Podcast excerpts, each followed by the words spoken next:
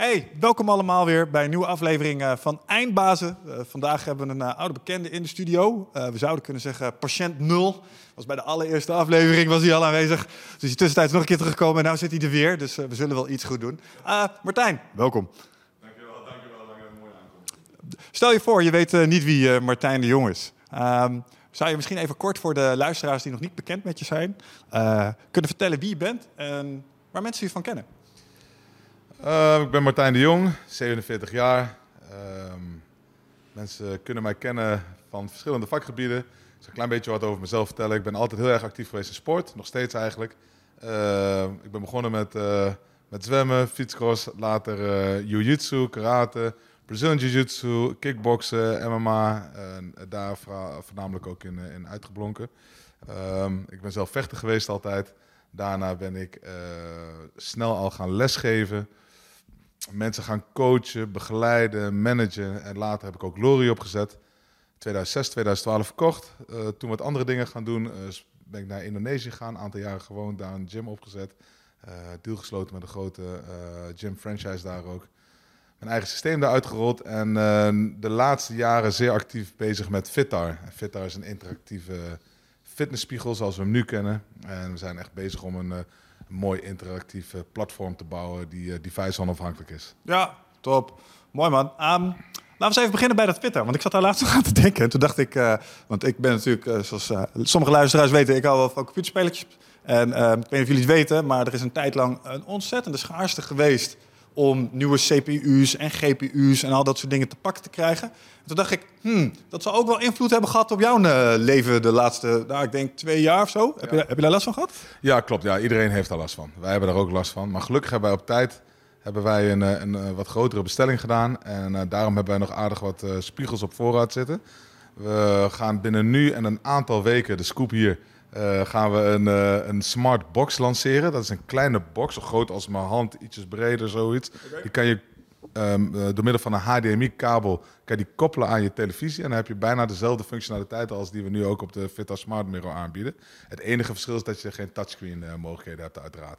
Maar voor de rest is die hetzelfde. Wacht even, dus oké, okay, want voor mensen die het niet weten, Fitar is een interactieve fitnessspiegel, hè? Klopt. En je hebt nu een nieuwe innovatie waardoor je dat ding basically op elke tv ook kunt gebruiken. Juist, klopt. Ja. Ook die boxfunctionaliteit? Ook. Oh, dat vond ik juist kicken eraan, man. Ja, ja, ja, ja. Want als je het niet weet uh, wat die Vita-spiegel kan... Uh, zitten allerlei toffe trainingsfuncties in gebouwd. Misschien kun je er zo nog even wat meer over vertellen. Maar ja. een van de coolste dingen die ik erin vind zitten... is de personal trainer. Er zit een personal trainer en die helpt jou met padswerk. Dus juist. dan kun je linkerstoot, rechtstoot, opstoot, dat soort dingen. Ja, klopt, ja. En dat kan dus ook op je tv dan? Kan ook op de televisie Oh, dan. shit. Zit cameraatje en alles? Cameraatje zit erin, moederbord, alles. En... Uh, ja, en die wordt dan geconnect met je televisie. Dus uh, eigenlijk wat je normaal gesproken op de spiegel zag, zie je nou op je televisiescherm. Het was natuurlijk wel even een beetje, een beetje, een beetje knutselen om het uh, van een verticale beeld naar een horizontale beeld te krijgen. Ja. Maar uh, dat is ons nu gelukt. En we zullen op zeer korte termijn die, die box gaan lanceren ja, te gek. Ik, vanuit ondernemersperspectief denk ik, oh, dat is echt slim, jongen. Daarmee maak je het echt beschikbaar voor zoveel meer mensen. Ja, precies. En dat was ook ons hele punt. Kijk, die, die spiegel is echt, die heeft de wow-factor, weet je wel. Alleen uh, met die box kunnen we echt opschalen. En ja. dat was uh, inderdaad, zoals dat je zegt, vanuit een ondernemersperspectief uh, was dat natuurlijk het meest interessante. Ja, ik kan me, kan me goed voorstellen. Doe me een beetje denken aan de... heb je wel eens gewerkt met de Wii destijds? Ja, klopt. Ja, ja, het is iets dergelijks. Alleen bij de Wii is het natuurlijk zo dat je... dan kan je bijvoorbeeld gaan tennissen en dan sta je zo voor je spiegel. Ja. Maar dan beweeg je niet echt. Nee. Maar bij onze spiegel moet je ook echt werken. Het is echt een, of, een box... Uh, wij moeten, het is echt een sportbox. Uh, uh, dus je moet, je, als jij vijf keer drie minuten dat shadowboxen doet, dan druip je van het zweet. Ja, zeker. actief bezig. Heel interactief zelfs. En mm. ja, wij bieden daar verschillende dingen op aan. Ehm, ik weet niet of ik reclame mag maken, maar als je mensen er meer over willen weten, www.fitta.eu. Maar wat eigenlijk is, we, hebben, we bieden meer dan 1500 verschillende workouts aan. we hebben een library van meer dan 5000 animated exercises, waarbij je je eigen workout kan samenstellen.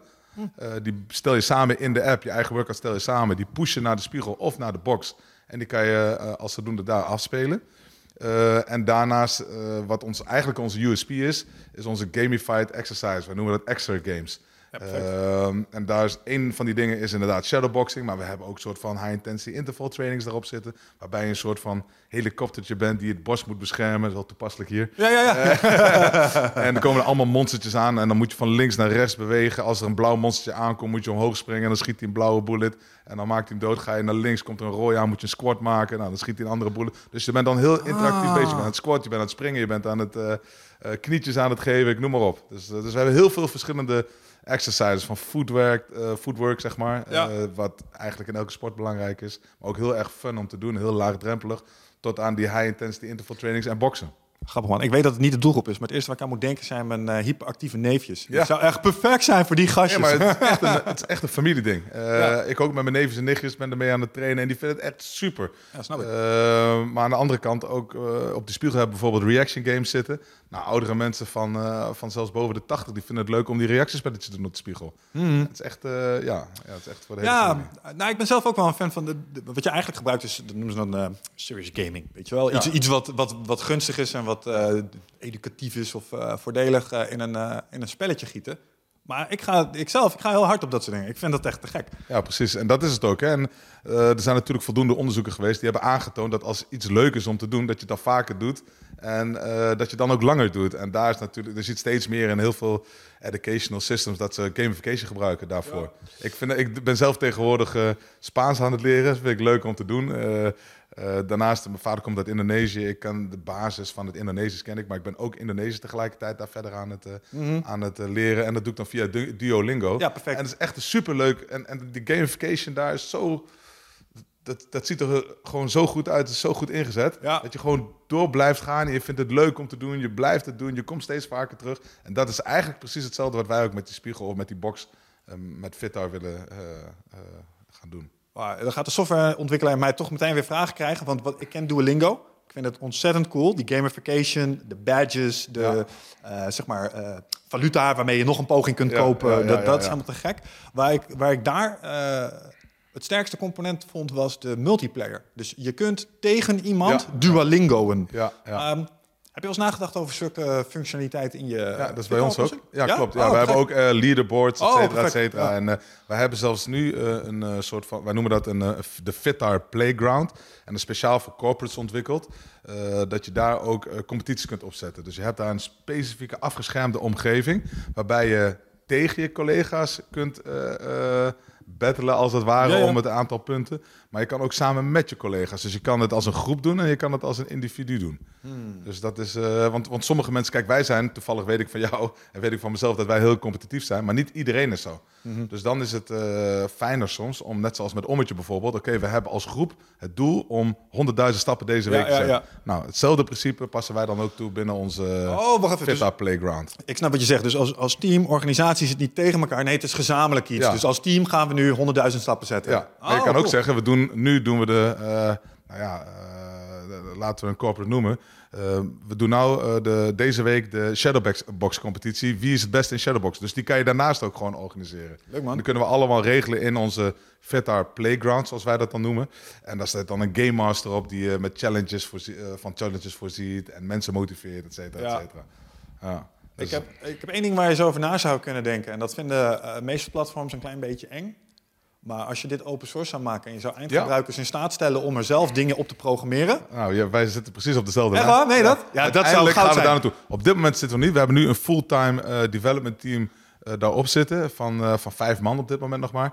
Maar uiteindelijk willen we er naartoe. Niet einde van het jaar, maar over 1, 2 jaar. Dat zit onze, in onze roadmap. Dat we het inderdaad open source willen gaan maken. Ja, ja, want dan kunnen mensen zelf... Kijk, laat je verbazen over hoe creatief mensen Zeker ineens weten. kunnen zijn. Dingen waar jij nooit aan gedacht hebt. Ja. Dat je denkt, oh, dat is kicken. Ja. En ik heb een eens. aantal hele succesvolle softwarehuizen, heb ik dat zien doen. Dus die lieten hun eindgebruiker dingen maken en dan keken ze mee. Oh, dat Ja. wordt heel vaak gedownload. Ja. Laten we dat er eens bij inbouwen. Ja. En, en zo verbeteren ze hun product door, door het open te stellen aan hun gebruikersgemeenschap. Wat voor elk product trouwens, als andere ondernemers hierin zitten. eh, en je kan dit op, het hoeft niet alleen met software, kan je ook met andere dingen doen. Ja, ja Dus, mee eh, eens. Ja, de kracht van de community. Ja, nou dat dus. Ja. Oh, gaaf man. Ehm, dus dat loopt lekker door. Ja, dat gaat, eh, dat gaat lekker. Nou, mooi, te gek. Ja, en slim ook om op voorhand een paar van... Zag je het aankomen of zo? Sorry? Zag je het aankomen? Dat je op voorhand zo groot had ingekocht. Dat je van, nou, dit kon wel eens Nou, links nee, shit worden. niet per se. Maar wij wilden gewoon zeker zijn. Niet per se dat dit zou gaan komen. Niet, eh, ja, je vangt natuurlijk wel wat signalen op uit de markt, maar dit ging natuurlijk in één keer heel snel, hè? Dus wij zijn niet de enige die problemen. Als Tesla al problemen heeft, ja, dan Ja. die, die, die zou dat sneller kunnen zien aankomen dan wij. En, en daarom, ik kan wel zeggen, heel stoer van dat zagen we aankomen. Dat we hebben, natuurlijk vang je wat signalen op uit de markt, maar wij wilden gewoon een zodanige goede eh, eh, service hebben richting onze klanten dat wij al bedacht hadden dat we groot wilden gaan inkopen. En dat hebben we precies op het juiste moment gedaan. Ja, Ja, afstandig. een beetje gelukje. Kon je zeggen? Ja, gelukkig. Ja. ah, dat weet ik niet. Ehm, je zegt net, ik heb een team van vijf man. Eh, dat betekent dus dat je... eh, Developers, ja. ja, developers. Exact. Ja. Dat betekent dus dat je of, officieel softwareboer bent geworden. Ja. Dus, dus de- ja, wij, wij zijn geen hardwareboer, sowieso niet. We zijn echt een softwarebedrijf. Ja. En eh, ja, wij, wij bouwen een platform. Ja. ja, als iets eh softwarebouwers eh is ook interessant, zul je achter zijn gekomen. Wat, Ja. eh, eh, wat eh, zijn de grootste uitdagingen waar je in dat opzicht in het ontwikkelen van dit product tegenaan bent gelopen? Eh, met betrekking tot development team. Nou, het software stuk, zeg maar. Dus we, zijn nu, we hebben nu een stuk software, we hebben mensen die het bouwen, we hebben mensen die het gebruiken. En dan hebben we Martijn de Jong, die zit in het midden en die probeert dat allemaal te regelen. Ja, kijk, met, kijk, software mensen zijn natuurlijk eh, eentjes, nulletjes mensen. Mm. Eh, dat zijn speciaal soort mensen. En die zijn heel goed in wat ze doen, maar in andere dingen zijn ze wat minder goed. En, en, en ik ben geen eentje, nulletjes man. En dan is het de communicatie, dat is, daar heb je, soms, heb je soms wel een beetje hulp bij nodig. dus daar, eh, daar loop je dan wel eens tegenaan. Daarnaast is het zo van... ehm, ik denk altijd, en dan doe ik voornamelijk hè, eh, strategieën, maar ook sales, et cetera. Ik denk, ah joh, dan kan je toch zo even, er, dan kan je toch zo even bouwen. En dan krijg je het eh, development team, die krijgt dan... Die, dus ja, mijn, eh, mijn verwachtingen moesten ook een beetje worden bijgesteld uiteraard. Snap ik, ja. Dus, eh, en daarnaast, ehm, ja, kijk, dingen duren altijd langer. In de softwarewereld duren, di- duren die gaan nooit sneller dan dat wij denken. Duren altijd langer. En hier weer een bug en daar weer een bug en Ja. nogmaals een keer een bug eroverheen. Ja, dat is, dat is hoe het werkt. En eh, ja, daar word je soms heel gefrustreerd door. Eh, andere kant, als je dan een beetje gaat, om je heen gaat kijken bij de grootste softwarebedrijven, zoals bijvoorbeeld Twitter, Ja. die in 2007 elke dag eruit lag, gewoon elke dag server down. Ja, dan denk ik bij mezelf, ja, oké, eigenlijk doen we het nog niet eens zo heel slecht, weet Nee. je wel. WhatsApp, eh, nou ja, laten we zeggen Facebook of eh, Meta, hè, Meta is het grootste bedrijf eh, bijna van de wereld. En daar was laatst gewoon, WhatsApp lag er gewoon, wat was het, drie kwart dag uit. Dus dan denk ik bij mezelf, oké, die niet dingen je- gebeuren gewoon. en wij zijn dan een heel klein mini bedrijfje. Dan is het niet raar dat zulke dingen gebeuren en dat er nog steeds bugs in zitten. En dat het een continu proces is. En Nee. daar, in het begin loop je daar heel erg tegenaan en later accepteer je dat. En dan snap je steeds meer hoe dat werkt. Ik ben ondertussen al 3,5, 4 jaar mee bezig. Dus dan, eh, ja, dan... eh, Ja, ik hoor alle klassieketjes vanuit de Ja, softwareontwikkeling. Vooral de kloof tussen sales en uitvoer vind ik een hele mooie, want daar heb ik mezelf ook altijd zo schuldig aan gemaakt. Zit je bij Ja. je klant, denk je, ja, hoe moeilijk kan het Kom zijn toch? doe nou zo moeilijk, ah, joh? zetten we de Ja. volgende feature, weet je wel.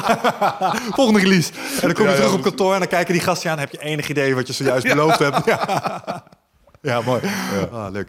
Ehm, ja, te gek. En eh, merk je nou nog in... ehm, het is misschien een rare vraag, maar ik, ik wil in deze podcast ook een klein beetje naar eh, je andere expertise zijn, de, eh, de vechtsport. En vooral het feit dat jij daar zoveel lessen in hebt gegeven. Ik ben bezig met een nieuw eh, dossier, namelijk dingen leren, mensen kennis overdragen. Ja. Ehm, maar ik ben toch wel even benieuwd of je baat ziet van je expertise in het ene domein, nu je met software bezig bent. Dus zijn er dingen die je nu meeneemt vanuit vechtsport, ook in het aansturen van je team of in, een stukje mindset misschien, waar je toch merkt, ja, maar hier heb ik wel een streepje voor door die achtergrond. Ja, denk ik wel. Ik, nou, sterker nog, ik weet het zeker. Maar dat komt ook omdat eh, ik ben vechtsport. Ik ben vanaf mijn dertiende al bezig. Ik ben nu 47 jaar. Nou, doe de math, weet je wel. Ik ben er al een tijdje mee bezig. Ehm, en vechtsport heeft mij heel veel belangrijke dingen geleerd. Die je niet alleen tijdens het werk, maar ook in je dagelijks leven kan eh, toepassen. Of hè, ik in dit geval toepas. Eén ding daarvan is bijvoorbeeld ehm, discipline discipline. Dat is echt heel erg belangrijk. En, en, en, ehm, en, en consistent dingen blijven doen. Eh, alleen dan kan je groeien. Eh, het is niet alleen van, nou, ik heb een leuk idee. Oké, we gaan iets, we gaan het proberen. Het lukt niet. Ah, shit. Ja, oké, laat maar zitten. We gaan iets anders proberen. Nee, het lukt niet. Oké, hoe gaan wij? En probleem oplossen denken. Want vaak is het natuurlijk zo, met, met vechtsport ook. Chips, ik lig in een armklem. Eh, ja, hoe kom ik hieruit? Hoe het probleem op, als ik denk van, oké, ik zit nou in een armklem, ik kom hier nooit meer uit, dan kom je er ook niet uit. Dan moet je afkloppen. Maar als je denkt van, oh, wacht eens even, ik heb een paar escapes geleerd, ik kan deze, deze, deze en deze escape zijn. Gaat hij zo bewegen, draai ik die kant op. Gaat hij zo bewegen, draai ik die kant op. Dus je bent steeds bezig om problemen op te lossen. Continu, continu, continu. Nou, dan komt er een keer, dan moet je ook echt afkloppen. Nou, dan moet je weer omgaan met teleurstellingen. Dus ik heb nou afgeklopt, ik baal ze stekken, shit. Ja, wat moet ik nou gaan doen? Oké, eh, ja, je moet toch weer opstaan, want het rondje is nog niet voorbij. We hebben namelijk afgesproken dat we vijf keer vijf minuten gingen sparren. we zijn nog maar bij het eerste rondje, na drie minuten. En ik moest al afkloppen. Dus dan moet ik nog steeds, hè, die, die, dat eerste rondje moet ik afmaken. En dan moet ik er nog vier. Ja. Dus je moet, je, je blijft dan doorgaan, eh, eh, ondanks dat je een grote teleurstelling stelling hebt te verwerken. En ik heb dat heel erg. Ik had er vanaf vroeger al, als ik moest afkloppen, of als stel, eens, ik kreeg een mount position tegen. Als iemand bovenop mij kwam te zitten met zijn knieën onder mijn oksels en ik lag onderop. Dat trek ik gewoon niet. Daar word ik echt, word ik, dat, daar, daar, daar, dat, dat komt heftig bij mij binnen. En Ja. dan doe ik er ook, daarom deed ik er ook alles voor, alles aan om dat niet te laten gebeuren. Nou goed, eh, stel dat dat gebeurt, dan is dat een teleurstelling, die moet ik verwerken. En dat moet ik op dat moment doen, want als ik boos blijf, dan, eh, dan ga- ik nog steeds meer eh, fouten ga ik maken en dan ga ik in nog meer problemen komen. Ja. Dus dan heb ik ook geleerd, oké, probeer, kal- stay calm in chaos. Dus er is een chaos om je heen, weet je wel, en eh, mensen zitten bovenop je, die zitten in de mount, je baalt een stekker, krijg ook nog een paar stoten in je gezicht en dan moet ik nog rustig blijven. Omdat als ik niet rustig blijf, ja, dan zit ik in nog veel groter problemen en dat is waarschijnlijk snel over. Ja. Dan moet ik rustig blijven, proberen te ontsnappen, toch nog mogelijkheden te zien, positief blijven, kijken, oké, waar liggen de mogelijkheden, Eh, waar zitten de problemen en daar ga je dan mee om. Dus dat zijn dingetjes die je natuurlijk ook in het dagelijks leven kunt toepassen, of toepast. Eh krijg je continu mee te maken, teleurstellingen. Je hebt het over software, software developers, Ja, ja, ja. weet je wel, die eh, fouten maken, dat je bij een klant staat en de spiegel valt uit en je krijgt er niet meer aan de praat. Dat, die dingen gebeuren gewoon. Hoe ga je daarmee om? Dat is de mount-equivalent van eh, software ontwikkelen. Ja. Als je demo het niet doet Ja, op het moment dat je naast je klant staat. Altijd. En dan Altijd. niet. En dan, eh, het kan zijn dat je een keertje aan je, aan je beste vriend laat zien, dan is het minder erg. Maar het kan ook zijn dat je voor een groep investeerders staat. En Ja. dat je in één keer iets doet wat, jij, wat hij nog nooit heeft gedaan. En nu in één keer op dat moment wel. Ja. En dan ga je kijken, oké, waar ligt dat aan? Waar kan het zijn? Kan het de internetverbinding zijn? Kan het iets anders zijn? Waar heeft het mee te maken? Hoe gaan we dit oplossen op dit moment? Terwijl je gewoon tien ogen op je gericht zijn, eh, het zweet aan alle kanten uitbreekt. Wat moet je dan gaan doen? Hoe blijf je dan rustig? Ja. Dat zijn dingen die, ik mee, eh, die, die je dan meemaakt. Maar ik kan het nog eens een keer eh, sterker vertellen. Misschien een, eh, een, nou ja, het is geen leuke anekdote, maar een anekdote uit een ver verleden. Eh, toen ik, eh, ik, ik deed al een tijdje vechtsport natuurlijk, vanaf mijn dertiende begonnen. En in mijn begin twintige jaren werkte ik een keer bij de SNS-bank. Ik heb misschien jouw verhaal al een keer verteld. Maar eh, ik, ik werkte net twee weken, tweeënhalf week volgens mij. Ik zou de volgende dag zou ik naar Japan gaan. Ik dacht, nou jongens, eh één uur was ik klaar met werken. Ik had een halve dag dat ik zou, zou werken. En om eh, tien over één ging de bus. Dus nou, toen reed ik nog met het openbaar vervoer. Ja. Eh, en de bushalte was tegenover het kantoor van de SNS-bank waar ik op dat moment werkte. Ik denk, nou, wacht nog even vijf minuutjes en dan loop ik naar de bushalte toe. Drie over één, bam, sloegen ze met een bijl dwars door de ruiten heen. Kwam er een, een wa- vond er dus een bankoverval plaats. Mensen Oh. met helmen op, pistolen in de hand, die kwamen binnen. Had ik weer. Echt waar? Ik denk, nu? Ja. Ja, nu. Dus ik denk, wat is dit nou weer, weet je wel? Maar op dat moment, eh, misschien omdat wij eigenlijk continu te maken hebben met stress, terwijl wij aan het trainen zijn, aan het vechten zijn in wedstrijden, bleef ik gewoon heel rustig. Er gebeurde dit, bam, bam, bam. Eén collega trok de deur dicht. Toen had je nog van die gesloten ruimtes. Ja. Zij liepen naar de watertransport, want die was net bezig eh, eh, geldkoffers aan ons aan afle- eh, af te leveren. Nou ja, goed. Eén meisje, die collega van mij, die keek die overvaller in de ogen en die trapte tegen de deur aan, richtte pistool op, de, op, op mijn collega. Van nu de deur open doen, nu de deur open doen. Maar ja, wij dachten bij onszelf, als ze van buiten naar binnen zijn gekomen met- een bijl, dan slaan ze hier ook wel door dit, door dit gebouwtje heen. En dan richt iemand een pistool op je. Dus ik zat te kijken en ik, ja, ik denk, ja, ik moet iets doen. Dus ik sprong ook naar haar toe en ik, ik trok haar onder een tafel, weet je wel. En nou, die overvallen trapte nog een paar keer tegen de deur aan. Uiteindelijk eh, ja, ging die weg, want het duurde allemaal te lang Ja, natuurlijk. ja. Maar ik was niet zenuwachtig of zo. Of ik was niet...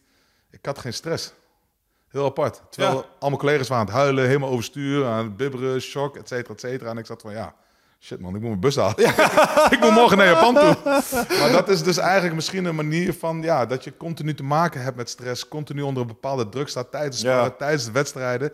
Eh, en ja, daardoor kan je in zulke soort situaties. Het is dan een, hele extreem, heel, een heel extreem voorbeeld. Maar het andere voorbeeld is dus als je voor een groep investeerders staat en het een en ander doet het niet. Dat, is een beetje ja, dan moet je rustig blijven en kalm blijven. En dat heeft vechtsport mij geleerd. Zo Ja. een lange antwoord hoor. Ja, nee, maar ik, luister, ik denk dat het waar is. En de, de, de twee mooiste componenten die ik erin terughoor, is enerzijds een soort, ehm, ja, hoe zeg je het, Eh, frustratie, frictietolerantie. Dus eh, als het schuurt, ehm, dan, dan heeft dat, tenminste, voor ons is waar wat voor de gemiddelde Nederlander waar is. Namelijk dat eh, als er iets gebeurt wat je niet tof vindt of stress geeft, dan is er een hele sterke fysiologische reactie. Je gezicht wordt rood, je gaat zweten, weet je wel. Je wordt een beetje korter in je denken en Ja. dat soort dingen. En wat ik, wat ik denk te herkennen is dat eh, ehm, sommige momenten in de gym, als ik aan terugdenk, waren best wel spannend, man. Ja. Wa- was best wel van, wow, wat waren we daar aan het doen? En stond je best wel onder druk eh, bepaalde shit te doen. Eh, ik noem maar wat, tegenover een Andy Jekel staan heb ik altijd als bijzonder stressvol ervaren. Ja, jij trainde met een leuk groepje altijd mee. Ja, dat was interessant. Ehm, maar dat dat een soort de norm herijkt voor je. Eh, en ik denk dat daar voor luisteraars een les in zit. Dat als jij, en het hoeft geen vechtsport te zijn, maar als je iets terug, als je iets weet te vinden wat je structureel in situaties plaatst die gewoon niet zo gemakkelijk zijn, dan heb je daar op andere plekken heel veel voordeel van. Ja. En, ik denk dat het vooral is, want als je fight of flight ervaart, want dat, volgens mij zit je vol in je fight of flight. Alleen volgens mij zit, zit, zit- door je vechtsportervaring zat je elke dag in fight of flight. Dus Ja. fight of flight was niet meer zo eh, bijzonder. Ja. Dus dat. Ja, en wat ik heel tof aan vind, is, is de vertaalslag naar het probleem oplossen. Omdat, het deed me denken aan, eh, misschien ken je de quote wel van Joe Rogan, hoe hij vechten omschrijft. Eh, high-level problem solving, dire physical consequences. Ja. Dus Ja. als, je, als je de fout maakt, dan zit er ook Gelijk consequenties aan. eh, hele harde consequenties. Ja, maar dat zeg ik ook, weet je wel. Kijk, ehm, als jij een foutje maakt, en dat in principe ben ik helemaal met hem eens. Als jij in de kooi ligt en iemand zit bovenop je en die is aan het stoten en ellebogen op je hoofd aan het geven. Dat is heel wat anders dan dat je een probleem hebt in de boardroom of zo. En eh, Ja. je zit met de directie bijeen en we hebben een probleempje. Ja. Er is geen fysieke dreiging ja. aanwezig. Tenminste, bij het gemiddelde boardroomoverleg, ja. Maar ik heb ook wel eens een onderhandeling gehad met echt, echt hoge, eh hooggeplaatste personen. Niet Mm. in Nederland, zowel in Nederland in het buitenland, maar in Rusland, maar ook in Indonesië waar ik heb gewerkt. Met echt de top van de top, weet je wel. Eh, maar ja, ik word daar niet anders van of zo. Ehm, ik denk bij mezelf, het zijn gewoon mensen. Mhm. Eh, ze zitten niet bovenop me en zijn me geen elleboog op mijn hoofd aan het geven. Grappig is dat, hè? Ja. Ja, relativeert echt alles. Ja, Ja, ja. Dat ken ik echt heel erg. Ja. Alsof, ja, wat is het ergste wat hier kan gebeuren? Dat er Ja. twee mensen geïrriteerd zijn met me. Ja, Ja. lekker boeien. En wat, ik nog, wat ik dan nog het leukste vind, vooral op dat hoge niveau, en dan gaan ze even stil te laten vallen of gaan ze stare down doen. Nou, dan moet ik helemaal om lachen Ja, natuurlijk. ja. Vriend, Ik kan je wat filmpjes laten zien waarover ik, vooral jij, jij stond op een gegeven moment, weet ik nog, die stare-downs bij je partijen. Toen stond er een keer een eh, Japanse meneer tegenover je en die had een bepaalde blik in zijn ogen. Ik weet niet of je dat nog kan herinneren. Die had een, eh, de, de thousand mile stare. Die was niet bang, niet geïntimideerd en hij stond op het punt om je fysiek geweld aan te doen. En ja, dat, dat stukje valt er daar sowieso al af. Dus. Mooi. Ehm, in het kader van de UFC eh, wilde ik het toch nog over hebben. Want wat je ook zei, wat ik mooi vond over dat stukje eh, eh, vechtsport, is dat ehm, als er iets gebeurt waar je niet blij mee bent, moet je alsnog door en kun je er ook weer van leren. Snap je? Dus voor de volgende ronde geeft ons dat informatie en kunnen we er iets mee doen. En nou, ja, je hebt natuurlijk een boel mensen begeleid bij vechtsport. Marcin Pragniau is eh, een van je sterpupillen momenteel. En in april was je met hem weer in Vegas. Ja. Met de UFC. Sowieso, hoe was het om weer in... eh, ik denk dat het de eerste keer was sinds lange tijd dat je weer in Vegas, Amerika... en die contraille was, nee, of want nee? Hij vocht er vorig jaar ook al. En eh, toen oké. had hij gewonnen op een liver kick. Eh, dus dat was volgens mij vorig jaar augustus of zo, denk ik. Of juli. In die periode. Dus ik was daar wel geweest. En wij kregen speciale, wij kregen speciale toestemming van de, van, de, van de overheid vanuit Amerika. Reisdispensatie. Ja, Ah, om, eh, cool. om- vanuit de UFC uiteraard, weet je wel. Dus wij eh, kwamen wel aan in Vegas, moesten gelijk in de babbel, konden nergens heen, weet Ja. je wel. Maar wij kwamen een paar dagen eerder, dus toen was het eh, hotel nog bezet. Dus eh, toen konden we nog wel een beetje heen en weer Vegas verkennen. Wel met een mondkapje en dergelijke. Ja, ja, ja, ja, ja. Maar ja, het was nog wel, ja, dus ik, ja. En daarna was ik ook, vorig jaar ben ik ook nog even naar LA geweest, dus ja. ja ik, eh, ja, ja, nee, maar ik heb daar veel vrienden en familie zitten, dus eh, ja, dat vind ik altijd leuk om te doen. Dus ik was er nog wel geweest eh, vorig jaar ook. Dit jaar ook weer. Maar nu was het echt, alles was open ook. Dus het was weer Als een beetje als vanouds. Ja, Ja, ja. Oké, goed Ja. om te horen. ja. Ehm, ja, want ehm, de uitslag van deze wedstrijd, de vorige liver kick, te gek. Ja. Deze iets minder, want unanimous decision eh, tegen gehad. ja. En, en dan even teruggaand naar, naar het lerend vermogen. De, de- ik heb me daar altijd over verbaasd toen ik een beetje achter het scherm mocht kijken, toen ik ook bij Tatsujin trainde, is hoeveel effort er daarna dan ook ingaat en kijken naar wat er is gegaan. Eh, Sowieso aan de voorkant, hè, de hele prep aan de voorkant. Kijken naar je tegenstander, kijken naar zijn wedstrijden. Maar ik kan me dan ook weer voorstellen dat, dat er nu weer leermomenten in zitten. Ja. Als je nu terugkijkt naar deze laatste partij, wat zijn de belangrijkste leermomenten? Misschien niet alleen voor, voor Marcin, maar ook voor jou als, als begeleider. Ja, als je dan kijkt naar die laatste wedstrijd. ehm, kijk, wij, wij houden er absoluut niet van een smoesje te maken. Maar ik weet wel dat eigenlijk deed Martin alles goed.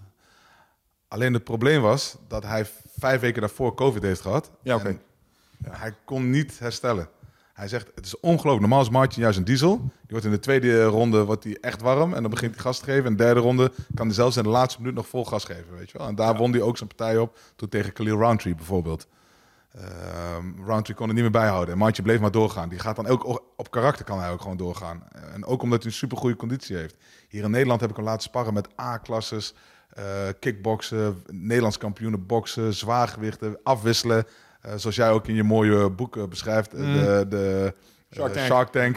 Hij in het midden, steeds nieuwe erin. En vijf keer vijf minuten. En die gasten zeiden, nou, die Martin heeft zes longen of zo. Wat is er met die gozer? en iedereen lag aan de kant met bloedneus en pijn in het lichaam. En die zaten gewoon... en Martin stond nog rechtop. Wauw, weet je wel? Dus hij, hij was echt... Hij zat, hij zat er gewoon goed in. De gameplan klopte. eh, tactiek klopte. Zijn, zijn, zijn techniek klopte. Alleen, ja, hij werd gewoon moe. Hij zegt in de tweede ronde, na die slagenwisseling... Hij zegt, ik kwam er niet meer bovenop. En normaal kan ik, krijg ik mijn, eh, mijn second win, zeg maar. Maar hij, ik krijg het niet meer. Ik kwam er niet meer overheen. Daarbij kwam ook nog eens een keer dat hij nu in een, eh, eh, met een gipspoot loopt, zoals wij dat in uh, Deventer zeggen. Ja. Hij heeft, in de eerste ronde trapt hij al op een, op een knie, zijn voet gebroken. Maatje blijft daar gewoon mee doorgaan. Die trapt Ja. ook gewoon door met dat been. Dus dat is niet het excuus of zo. Maar ik, in dit geval was het echt de COVID die hem genekt heeft. wat het grootste punt is waarom hij verloren heeft. Ik denk als hij, dat, als hij toch die zuurstof kon opnemen die hij normaal kan opnemen. En hij kon die, die second win pakken. Dan had hij denk ik wel in de tweede of derde ronde gewonnen. Eh, maar ja, dat heb ik eigenlijk nooit zo, zo echt zo uitgesproken. Hebben we ook niet echt zo kenbaar gemaakt. Omdat ja, dat lijken op excuses. Ja. Eh, maar dat is wel wat er feitelijk aan de hand was. Nou. Eh, als jij dan vraagt van oké, wat kunnen we van deze wedstrijd leren? We zijn nu alweer met hem aan het trainen. Ook al heeft hij een gebroken voet, weet je wel, zijn we langere combinaties aan het maken. Dus hij, hij, hij gaf dus aan dat hij heel erg moe wordt naar een, een, een slagenwisseling die hij had met zijn tegenstander. Ja, dat is, eh, daar gaan wij, daarom zijn we dus nu aan het trainen op eh, die slagenwisseling aangaan. En daarna nog steeds scherp blijven, kunnen blijven kijken, ademhaling controleren. Dus nu gaan we daar iets meer op, ehm, meer op, gaan richten, op meer richten op, ja. Ja.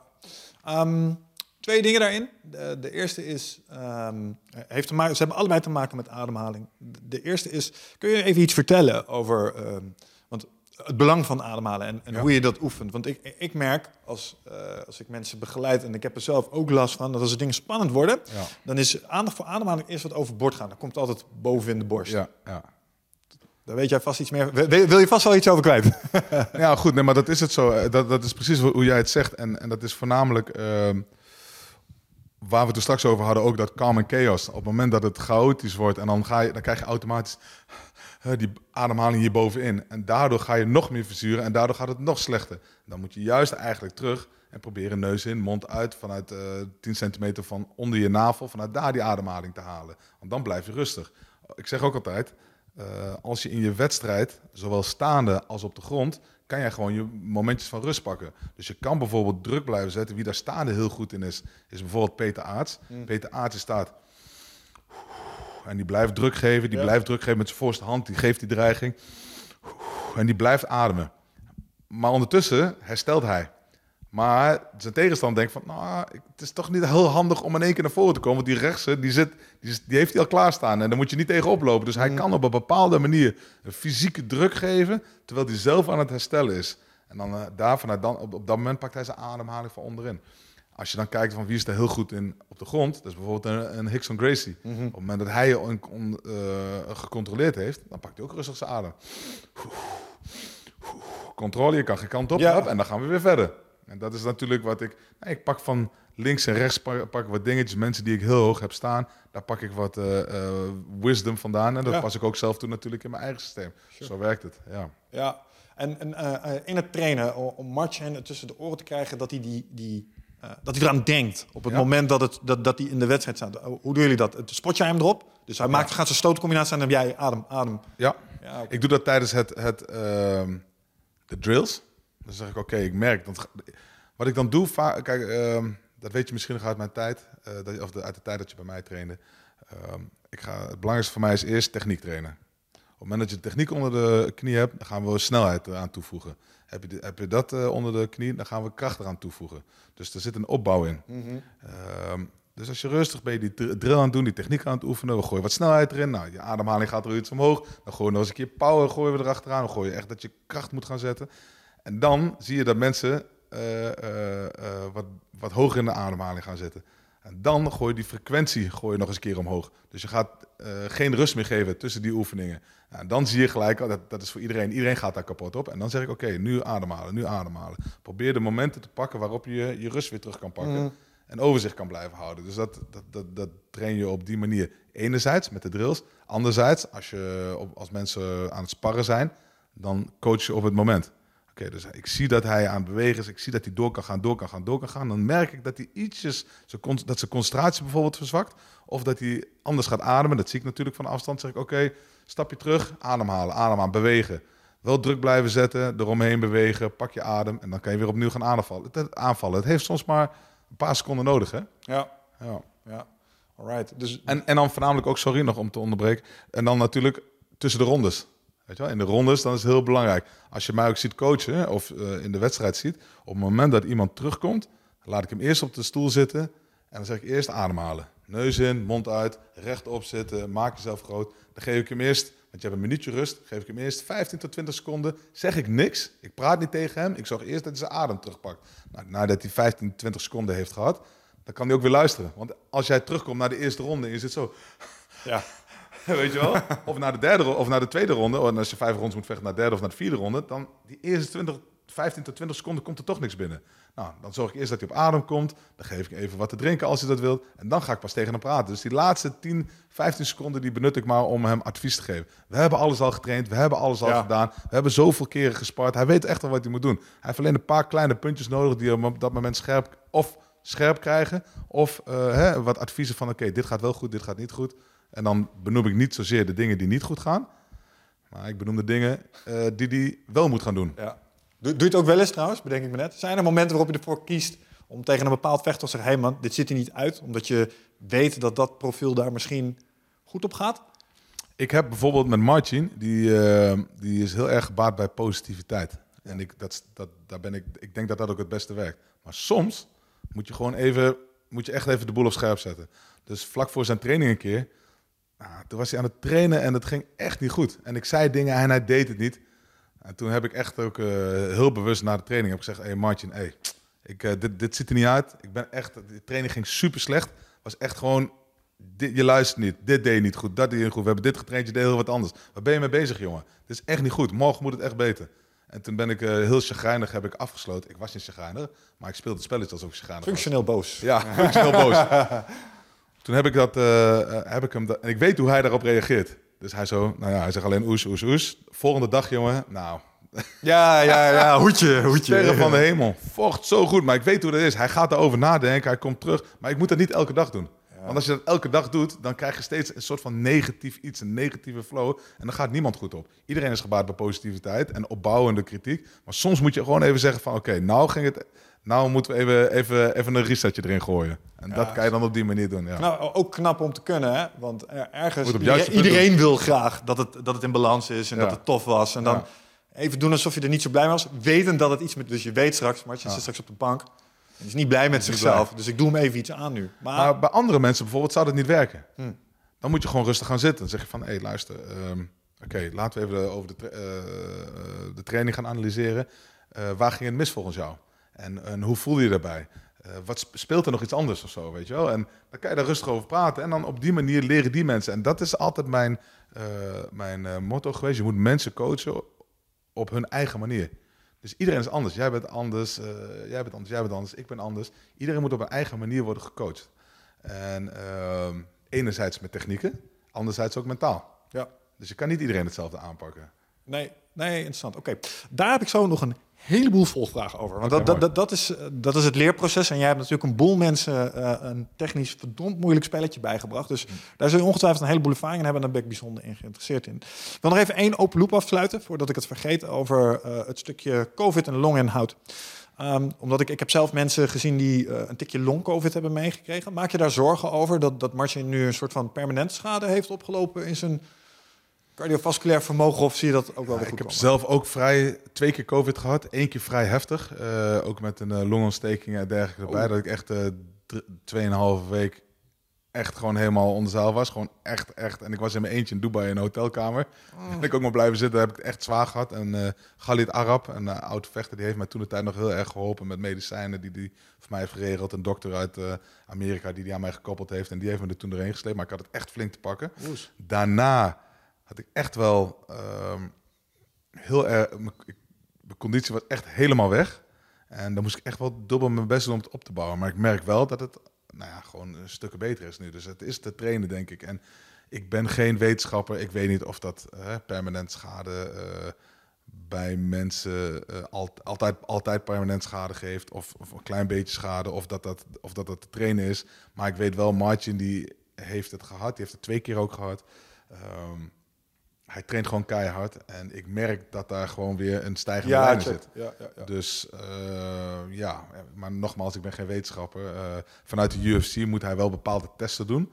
Dat is wel heel goed. UFC is zo goed geregeld van oké, je hebt COVID gehad. Oké, ik wil dat je die en die en die testen laat zien. En daaraan kunnen zij zien hè, eh, hoe, het, Hoe je de ervoor staat. is, hoe je ervoor staat. Oh, oké. dus, Ja, ja. Nou, dat is dus blijkbaar goed gekomen de laatste keer. Dus dat zit goed. Ah, ja. ja. nee, het is dan, nou, ik heb een paar mensen gehad in mijn omgeving die het hebben gehad. En die zijn nu nog bezig met eh, herstellen. Maar dan wist je Ja. het al wel. Want als Ja. die zichzelf eh, in de eerste weken na die infectie een, een zware fysieke prikkel hadden gegeven. ja. Ja, dan lagen ze er weer meteen twee weken af. Weet je Oh, poeh, ja, dat is wel heftig, ja. ja, dus eh, vandaar. Dus, maar als dat niet aan de orde is, dan lijkt nee, het... nee, nee, gelukkig niet. Nee. Oké, nou, goede zaak. Ja. Ehm ander dingetje waar ik nog even over heb voordat we het, het lesgeven induiken. Ehm, je gaf het er net ook al aan. Je bent natuurlijk het aanstichter geweest destijds van Glory.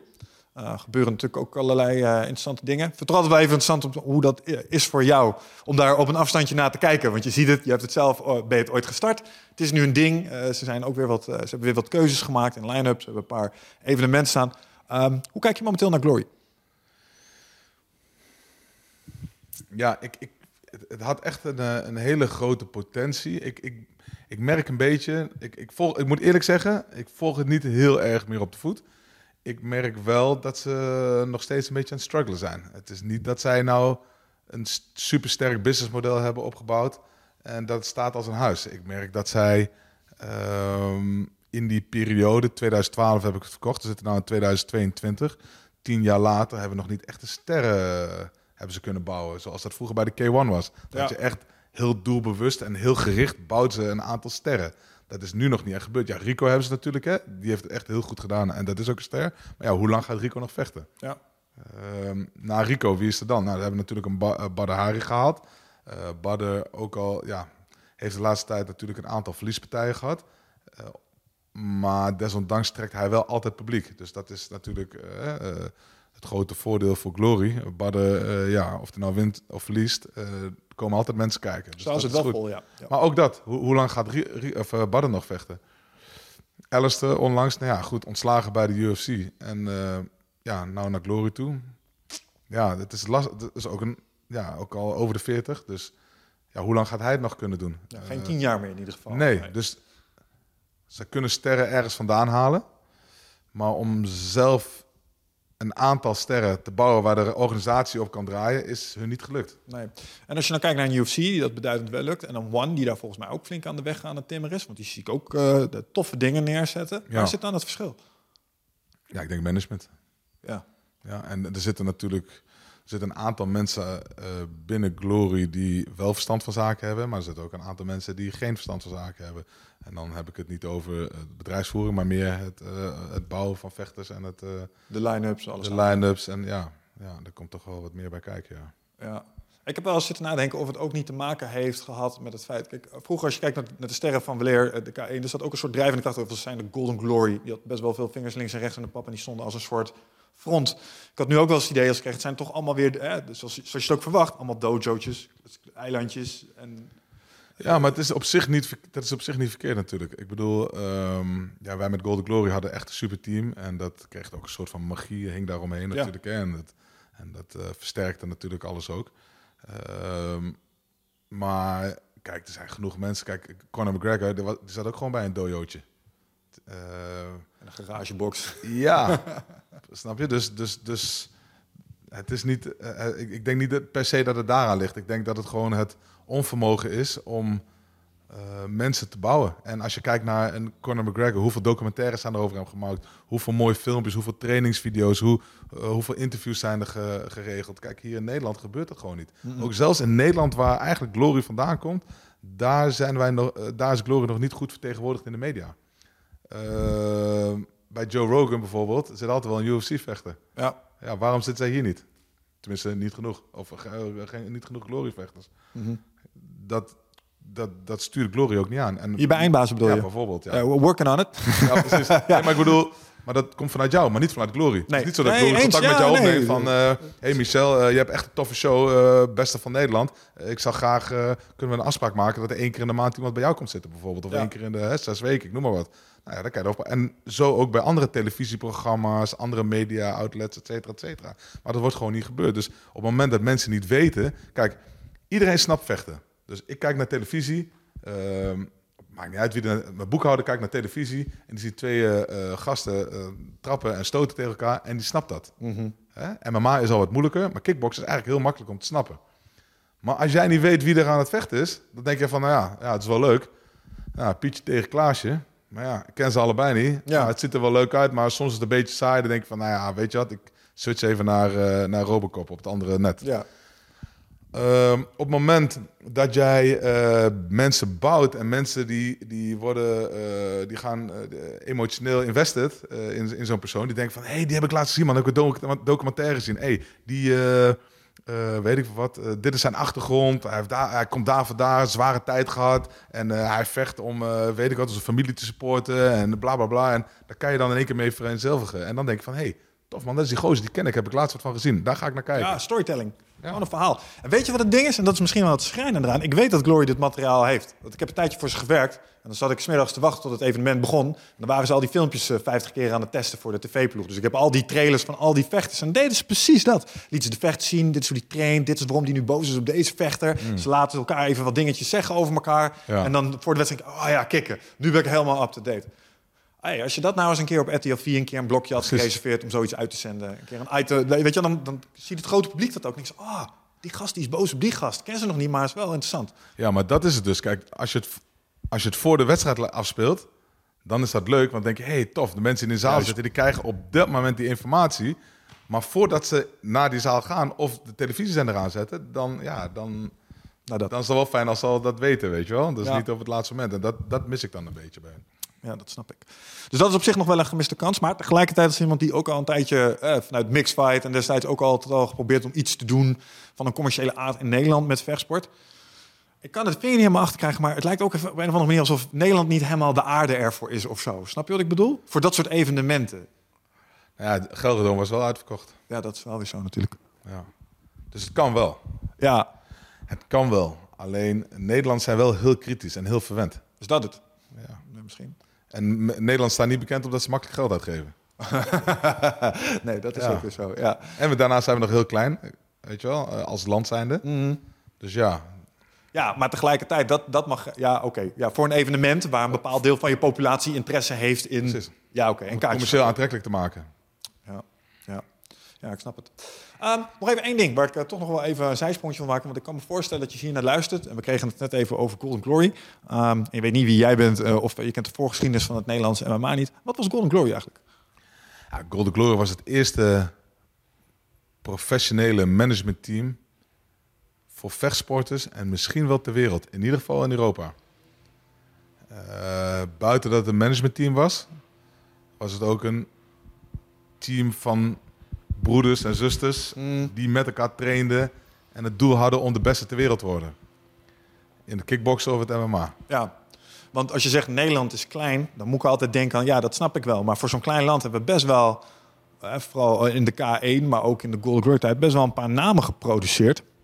Waar je u tegen zegt. Ja, dus, maar Nederland is klein, bedoel ik eigenlijk meer van om, een, om, om vechtsport commercieel Ja, precies. te maken. Maar de, de vechters zelf, die zijn, ja, die zijn, ja, die hebben zichzelf eh, eh, financieel hebben, hebben het wel kunnen, eh, kunnen, kunnen doen. En Nederland als, als vechtland is gewoon hartstikke goed. En Ja. Dat heeft denk ik een beetje te maken met de mentaliteit. Heeft te maken met het vele aantal evenementen op een klein stukje land. Waar, dus als je kijkt bijvoorbeeld naar kickboksen, dan heb je mensen die in de K1 zaten of in de A-klasse zaten. Die hadden dan al 35 wedstrijden gedaan. Terwijl in Amerika kon je er 12 doen bijvoorbeeld. Omdat het gewoon veel uitgestrekter is, veel verder weg, minder competitie. Ja, Ja, er zijn tijden geweest, elke zondag kon je naar een kickboxgalaatje. nou ja, eh, inderdaad. Steeds? En dan na, na vier misschien wel. Ja, ja, Ja, ja. ja. ja, ja. Is, is dat nog steeds zo of is dat minder geworden? Het is iets, de COVID heeft natuurlijk heel veel roet in het eten Sure. gegooid, maar je ziet het wel weer steeds meer opkomen. Ja. Ook MMA-galaatjes en zo. Eh, begin juli organiseer ik weer eh, de European Championships Amateur Shooto, waar je Oh, ook een keer aan mee Kikken, gedaan. ja, alsjeblieft. Ik krijg hoofdpijn als ik eraan denk. Maar Dus eh, dan- ja, ik, we, gaan weer rustig aan beginnen. leuk, dus je gaat weer amateur shooto evenementjes. Ja, ja, ja, dat blijft, het is toch een beetje een passie, is toch leuk om te Ja, maar ook een hele goede laagdrempelige manier voor mensen om in eerste instantie in aanraking te komen met MMA. Klopt, ja. Wat is amateur shooto in dat opzicht? Amateur Shooto is een ehm eh, Shooto is de oudste eh, mixed martial arts organisatie ter wereld, waarbij echt eh, het, het MMA gereguleerd was. Eh, de term MMA bestond toen nog niet eens. Sinds 1985 hebben ze al een ring, een ruleset, eh scheidsrechters, eh, juryleden, eh, timekeeper, et cetera, et cetera. En die regels waren gewoon eh, toen al echt heel gedetailleerd opgesteld. Nou goed, dat is eh, zo ontwikkeld en er zijn verschillende eh, vormen van wedstrijden waarbij je echt als amateur eh, in kunt stappen en als professional kunt eindigen. En ehm, de echte allereerste stap om het zo laagdrempelig mogelijk te maken is het amateur shooto, waarbij je eh, scheenbeschermers draagt, kniebeschermers draagt, een hoofdbescherming draagt en wat dikkere MMA gloves. Ja. En waarbij je op de grond niet mag stoten. Dus je bent echt staande met kickbox technieken bezig. Op de grond puur met eh, worstel ehm, en, en, en Brazilian Jiu-Jitsu technieken of grappling technieken zonder pak uiteraard. Bij de European Championships is het zo dat je één ronde van vier minuten vecht. Want dat is een hele grote pool heb je. Oh. meerdere wedstrijden op een, eh, op een dag. Dat is nieuw. En in de finale twee keer drie minuten. Kijk. Ja, Eén keer vier minuten is best lang. ja, ja, ja, één keer, eh, maar het is maar één keer. Ja, ja, true, true, ja. Ja, dus, eh, dus als jij een pool van, eh, van 16 man hebt, dan eh, vecht je vier keer. En de eerste drie rondes zijn dan eh, eh, vier minuten. En de, eh, de finale is dan twee keer drie minuten. Ja. Ja. Wat ik me ook nog herinner van het shooter, maar ik weet niet of dat nou shooter specifiek was, is dat het een andere eh, puntentelling had voor sommige posities op de grond. Ja, Vijf Klopt. punten backmount, vier punten mount. Ja. Ik weet niet of dat helemaal standaard Ja. was bij andere. ja nee, dat, eh, hier bij eh, het amateur shooter werden daar inderdaad punten voor gegeven. En hoe sterker je positie is ehm, en hoe meer schade je ermee zou kunnen aanrichten op het moment dat je wel mag stoten op de grond, hoe meer punten je ervoor krijgt. Ja. Dus voor een sidepositie krijg je minder punten, omdat je dan vanuit de side kan je minder hard stoten, als dat je in de mount position eh, krijgt. Want dan kan je harder stoten. Als, iemand, als je backmount hebt ja, en iemand ligt op zijn buik op de grond en je zit bovenop, uitgestrekt, ja, dat is natuurlijk de slechtst mogelijke positie voor degene die onderop ligt. En daardoor krijg je daar dus de meeste punten voor. Ja. Ja, dus zo- dus dat is het grondwerk ook daadwerkelijk wordt gewaardeerd en bijdraagt aan je overwinning als daar Klopt. het merendeel van het Maar- van en plaats- als voorbereiding op je professionele carrière. Ja, ja, ja, nee, zeker. Als je regelmatig de backmount weet te pakken, dan eh, gaat Ja. dat in een echt uh, UFC-gevecht gaat dat voordelen opleveren. Ja, ja. dat snap ik. Maar leuk dat je dat, eh, eh, dat, je dat weer eh, oppakt. Is daar een specifieke reden voor? Eh, nou ja, het is, elk jaar doen we het. En, eh, of, ofwel in, eh, in Nederland of Duitsland of eh, België hebben het wel eens een keertje gedaan. En dit, eh, dit keer gaan we het weer eens een keer in Nederland doen. Bij eh, Duncan Training Center. Bij Oh, Mark leuk. Duncan heeft een hele mooie sportschool met een kooi. Ja. Dus die wedstrijden worden in een kooi gehouden. Ook nog eens. Ja, hartstikke leuk. ja, Utrecht? Ja, het ja, ja, centraal ja. eh, in Nederland. Dus dat, eh, dat gaan we daar eh, organiseren inderdaad. Mooi. Ja. Ah, leuk.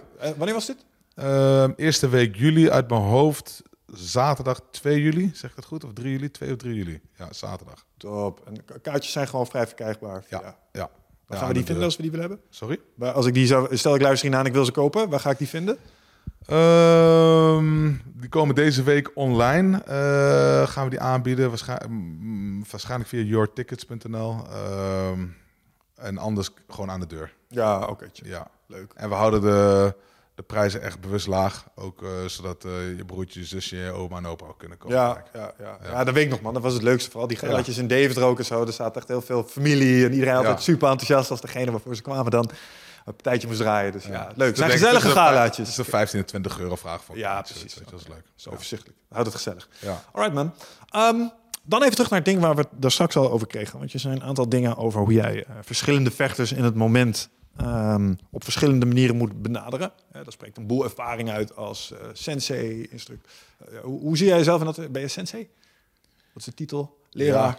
Ja, dat ja. is... Uh, ja. Je bent officieel. Ja. ja. maar nou, hoe zit het eigenlijk? Want ik, ik weet dat jij officieel bij een zwarte banden Braziliaans jiu-jitsu, maar daarmee ben je niet automatisch ook sensei, of ben je sensei zodra je les begint te geven? Heb ik me eigenlijk altijd afgevraagd. Het is niet een officieel orgaan dat zegt, nou, nou meneer, nu bent u sensei. Het is denk ik... Uh, nee, precies. Dat is geen officieel orgaan, maar denk wel, uh, ja, nou, op het moment dat jij wel... ik heb natuurlijk meerdere zwarte banden en gewoon jiu-jitsu, tweede dan karate. Juist. Uh, Brazilian Jiu-Jitsu. Ik heb wat ervaring opgedaan in het mixed martial arts en al die jaren. dus ja, de, ja, ja, ja. Ja, ja, nee, just, just wondering. Omdat we ook altijd, uh, dat was zo'n mix ding, dan, dan liepen we met titels als kanshow en zo. Oh, dus ja, ja. wat is een kanshow ten opzichte van een sensei? Ik, weet, het, ik weet het echt niet. Kanshow volgens mij is, uh, nee, ik weet niet meer. Kan, nee, kan het zeggen, don't, don't worry. Maar waar het om gaat is, je hebt echt al heel lang leer jij mensen vechtsporten. En dat is een, een moeilijke, technische materie. Dus uh, iemand leren knokken. Uh, en wat mij betreft hebben we het over het MMA, dus het staande, het werpen en het uh, grondgevecht, is nou, complex. Dus dat, dat, overdragen aan mensen, dat vergt ook een bepaalde expertise. Ik bedoel, leuk dat je het kunt, maar het mensen leren is nog een, nog een heel verhaal op zich. En dat is een verhaal, daar wil ik het ook wel eens met je over hebben. Omdat jij inmiddels al zoveel ervaring daarin geklokt hebt, denk ik dat je er ook wel een paar hele interessante inzichten op hebt ontwikkeld. En eentje, daar snuffelden we net al aan toen je het had over hoe je verschillende mensen eigenlijk op verschillende manieren moet motiveren onder druk. En uh, nou, misschien interessant om daar eens mee te beginnen. namelijk, want wat voor een type vechter, student, ben je zelf eigenlijk in dat opzicht? Ben jij iemand die goed gaat op scherpe feedback? Of moeten we juist heel vriendelijk voor je blijven? Wat, wat werkt het beste bij Martijn? Nee, bij mij scherpe feedback.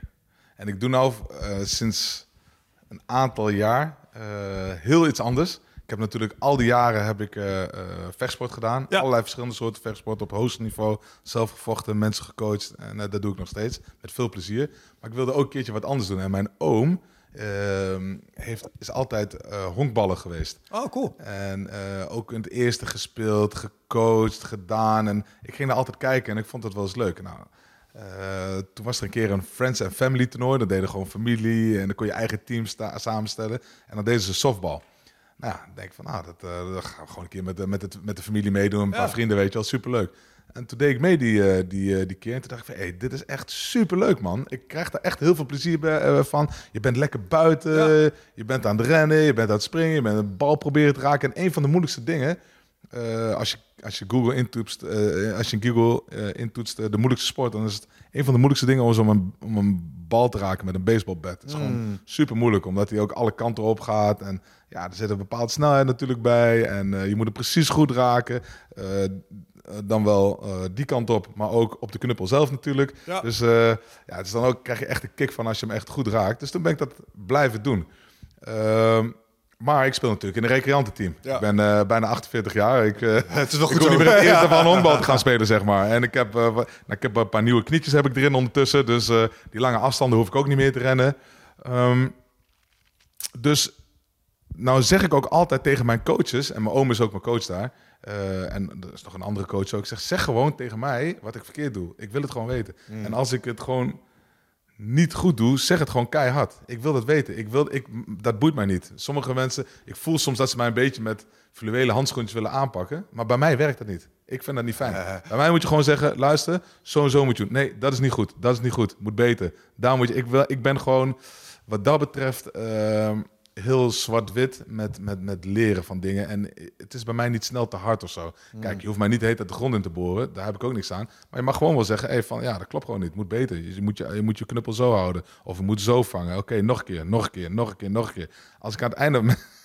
Mensen weten het van mij. Als we aan het einde van de training zijn... En vaak doen we slagtraining bijvoorbeeld. Ja. Nou, dan krijg je tien ballen die je goed moet slaan bijvoorbeeld. Of, of tien ballen die je kan slaan. Als de laatste bal niet goed gaat, zeg ik ja, sorry jongens hoor. Nog een keer. Ik ga er, we kunnen nog niet weg. nog een keer. Ja. Niet, nog een keer. Sorry hoor. Ik zeg, ik haal ballen zelf allemaal wel op. Jullie hoeven ook niet op te halen. Maar gooi maar gewoon aan. Ik moet gewoon een goede bal slaan, anders ben ik de hele avond chagrijnig. Sterk. Ja, ik ben echt, ik, ik weet, ik ben daar echt heel verschrikkelijk in. Maar ja. dat is hoe ik leer. Ik ben daar heel, heel erg competitief. Ik moet dingen gewoon uh, goed hebben. En uh, ja, het liefst wil ik ook nog eens een keertje de beste erin zijn natuurlijk. En, eh, en je mag het gewoon hard tegen mij zeggen. Ik vind het niet erg. Ja. Dus je speelt nu bij de Eagles, eh Ja. Toch? Ja. Ja. Waar staan jullie in de ranking? Als je het best wil zijn. Eh, doen jullie mee? Eh, hoe bedoel je, als persoon of als, eh, als, Nee, als team, zeg maar. Nee, we spelen Nee. recreatief. We spelen recreatief toernooitjes. Nou ja, daar... eh, ja, meestal de laatste wedstrijd, die- de laatste toernooi wat hadden gedaan, doen we het wel redelijk goed hoor. We hebben dan, eh, weet ik wat, hebben vier wedstrijden, dan winnen we de drie bijvoorbeeld of zo, weet je wel. Nou, ja. Ik stel me nu zo'n Martijn voor die dan op zondag daar helemaal uit zijn plaat gaat. Omdat ze aan het wel zijn. Ik heb al een paar keer gehad dat er een pitcher naar me stond te kijken en zegt van, eh, wow, wow, wow, rustig, rustig. Ja, maar ga je doen. alleen hoe ik keek gewoon...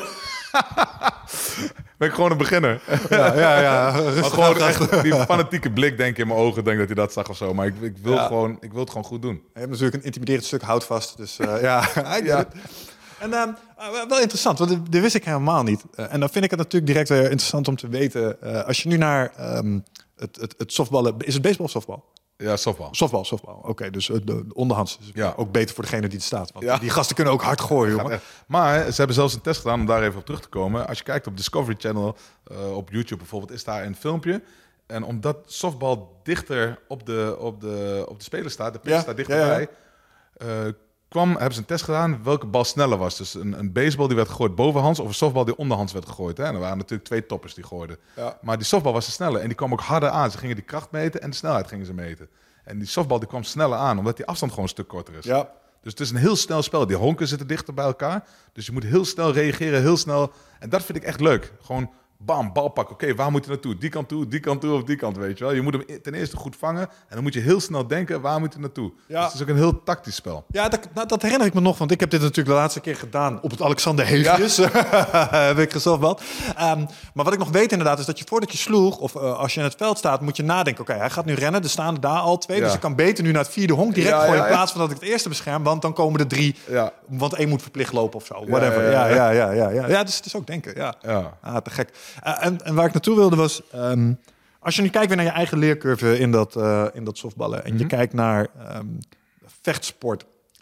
zie je dan parallellen? Want je omschreef daar straks bijvoorbeeld iets over... hoe jij zelf techniek benadert. Eerst gaan we de techniek langzaam doen.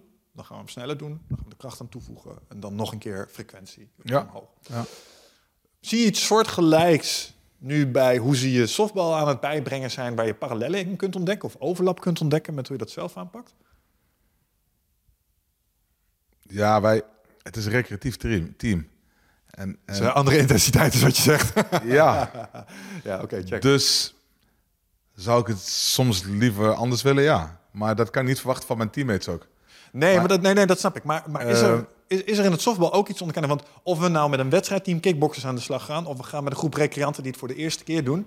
er zullen bepaalde dingen zijn die we altijd als eerste gaan doen. We gaan nu beginnen met de links-rechts combinatie. We gaan vanuit de dekking. We gaan nu eerst techniek oefenen, et cetera, et cetera. Is er een soort gelijk patroon wat je nu ziet? Of nee, want recreanten. Jawel, een soort van... Ja. Kijk, we trainen ook wel eens mee met andere teams. En daar leer ik dan ook leuke dingetjes... waarbij je echt op de ba- basics wordt gedrild. Bij ons is het ook veel, veel slaan, veel posities. ehm, dat wel. Ehm, maar bijvoorbeeld als er zondag niemand wil trainen... en ik ben met iemand anders... of ik ben alleen soms... dan zet ik gewoon ook die paal neer. Dan zet ik die bal erop... en dan ga ik zelf een uur alleen maar die bal slaan. Ja, Gewoon doen, doen, doen, doen, doen, doen. In jouw boek zeg je ook, je moet iets 10.000 keer gedaan hebben of 10.000 uur hebben gedaan. Hè? Ehm, voordat je het, de skill mastert. Ja, je moet gewoon doen. Je moet gewoon je uren maken. Consistent, gedisciplineerd, moet je gewoon dingen doen. En eh, dat heb ik dan wel met, met softbal ook. Ik kom gewoon, ik heb vrijdag train ik en het liefste zondag ook, hè, als, eh, als de training is. Soms met het weer kan het natuurlijk niet, of er zijn wedstrijden. Ik ben er altijd. Ik ben er echt altijd. Ik vind het gewoon superleuk om te doen. Eh, andere manier om fit te worden, andere manier om eh, mijn brain te triggeren. Het is weer out of my comfort zone. Het is toch ook wel in het begin een beetje spannend, want in het begin, joh, oh, dan moest je mij zien. Dan moest ik een bal vangen en die viel dan weer uit mijn hand. En denk ik, oh, wat een knuppel ben ik ook, weet je wel. Of dan sloeg ik gewoon, gewoon ver boven de bal uit, weet je. Sloeg ik gewoon helemaal mis of eronder door. En dan denk ik, ah, nee, dat kent toch niet? Ja. Ja, en dan, dan ja. Eh, liep je nog tegen dingen aan als eh, bepaalde de- deformaties door het vechtsport, bepaalde bewegingen die erin zitten of bepaalde... Ik kan me voorstellen, elke vechtsporter heeft een hele, vooral als je rechtshandig bent, een hele zwaar ontwikkelde rechtervleugel van de vele rechter en linker stoten geven. Eh, en maar ik merk aan vechtsport heeft mij bepaalde dingen niet meer gegeven, namelijk range of motion. Sommige bewegingen vind ik moeilijk maken. Ik ben best wel stijf in mijn schouders. Als je dan zo'n zwaai maakt en je zwaait door, snap je? Dat je denkt van, oh, wacht even, dit zijn, eh, minder, hier ben ik iets minder soepel in of iets dergelijks. Nou, nee, ik merk wel heel veel voordelen. Ook juist eh, gooien vanuit je heup, weet je wel? Dat is eigenlijk hoe wij ook stoten. Ehm, het, het, het slaan is ook vanuit je heup en je, je lichaam indraaien. Ehm, ja, ik, ik merk eigenlijk best wel veel ehm, Voordelen. voordelen. Ja, dus niet dingen, ja... Kijk, het lopen doen we natuurlijk nooit met, met vechtsport. Als het goed is. Als wij je- lopen niet weg. We sta- We gaan, eh, we gaan staan en we gaan het liefst er niet achteruit natuurlijk. En dan lopen we helemaal niet weg. Dus ja, dat, dat, dat is even wennen voor mij. Ja, Ehm, ja, dit lijkt meer op kracht gaan in dat opzicht. dat zeg jij. nou ja, het leukste wat ik aan Krav Maga vind, is dat is het grapje altijd, dat elke techniek daar eindigt met zo snel mogelijk bij je tegenstander Ja, wegrennen. ja, ja, ja, Dus, klopt, eh, dat ja. vind ik een goede houding om te Ja. hebben als het gaat om vechtsport. Ja. Um, alright. Hey, weer even terug naar het, eh, eh, het, het stukje eh, vechtsport. Want je gaf al aan, ehm, ik heb be- bepaalde type studenten, laten we ze zo noemen, als Ja. het gaat om wedstrijdsituaties. Maar als het gaat om kennisoverdracht, ehm, misschien ook wel. En als je nou naar je, in de laatste vijf jaar, tien jaar, naar je groepen studenten krijgt, als het gaat om Braziliaans Jiu-Jitsu of MMA. Als ik naar mijn groepen krijg, ik heb bepaalde typen. Kakagai, dat is fanatieke, dat is zo een, dat is zo een. En die moet ik op een bepaalde manier benaderen. Jij hebt ongetwijfeld ook zulke types in je les lopen. Welke onderken jij? Ja, je hebt heel veel. Ja, je hebt echt strebers. Hè? Eh, je hebt natuurlijk. ehm, je hebt mensen die, die bijvoorbeeld fysiek heel getalenteerd zijn, maar mentaal nog een, een, een duwtje in de rug nodig hebben. Hè? Die zijn er ook. Ja. Ehm, je hebt mensen die ehm, mentaal heel sterk zijn, alleen fysiek wat minder goed eh, meekomen. Dat is gelukkig te trainen. Eh, er zijn mensen die, ehm, net zoals ik, waarbij je dingen gewoon hard kan zeggen. Van, hé hey, luister, dit moet goed, dit moet beter. En als ik het goed doe, dan, zeggen ze, dan, dan kan je gewoon zeggen van, hé, hey, goed gedaan. Maar sommige mensen, die moeten overweldigend worden met complimentjes. Ik, ik heb wel een paar keer gesprekken met, eh, eh, met leerlingen gehad. En die zeiden van, ja, je geeft nooit een complimentje. Ik zeg, nou, volgens mij wel. Blijkbaar Maar- niet genoeg. Ja. Ja, ik zeg, en als ik niks zeg, dan doe je het goed. Ja, ja, ja, ja, ja, ja, ja. Geen bericht, goed bericht. Maar dat was misschien ook een beetje hoe ik ben misschien opgevoed. Eh, misschien ook in, mijn, in mijn trainingen eh, zo heb meegekregen. Vanuit vroeger. Van, misschien vanuit zwemmen, vanuit fietscross, vanuit, eh, eh, vanuit vechtsport. Ik heb er verschillende dingen. Dat, is misschien, dat, is- dat vormt je toch, denk ik. En ik denk dan bij mezelf dat het nog wel meevalt. En sommigen zeggen, ja, je kan soms zo hard zijn. Of je kan soms... je geeft nooit een complimentje. Maar volgens mij doe ik dat wel.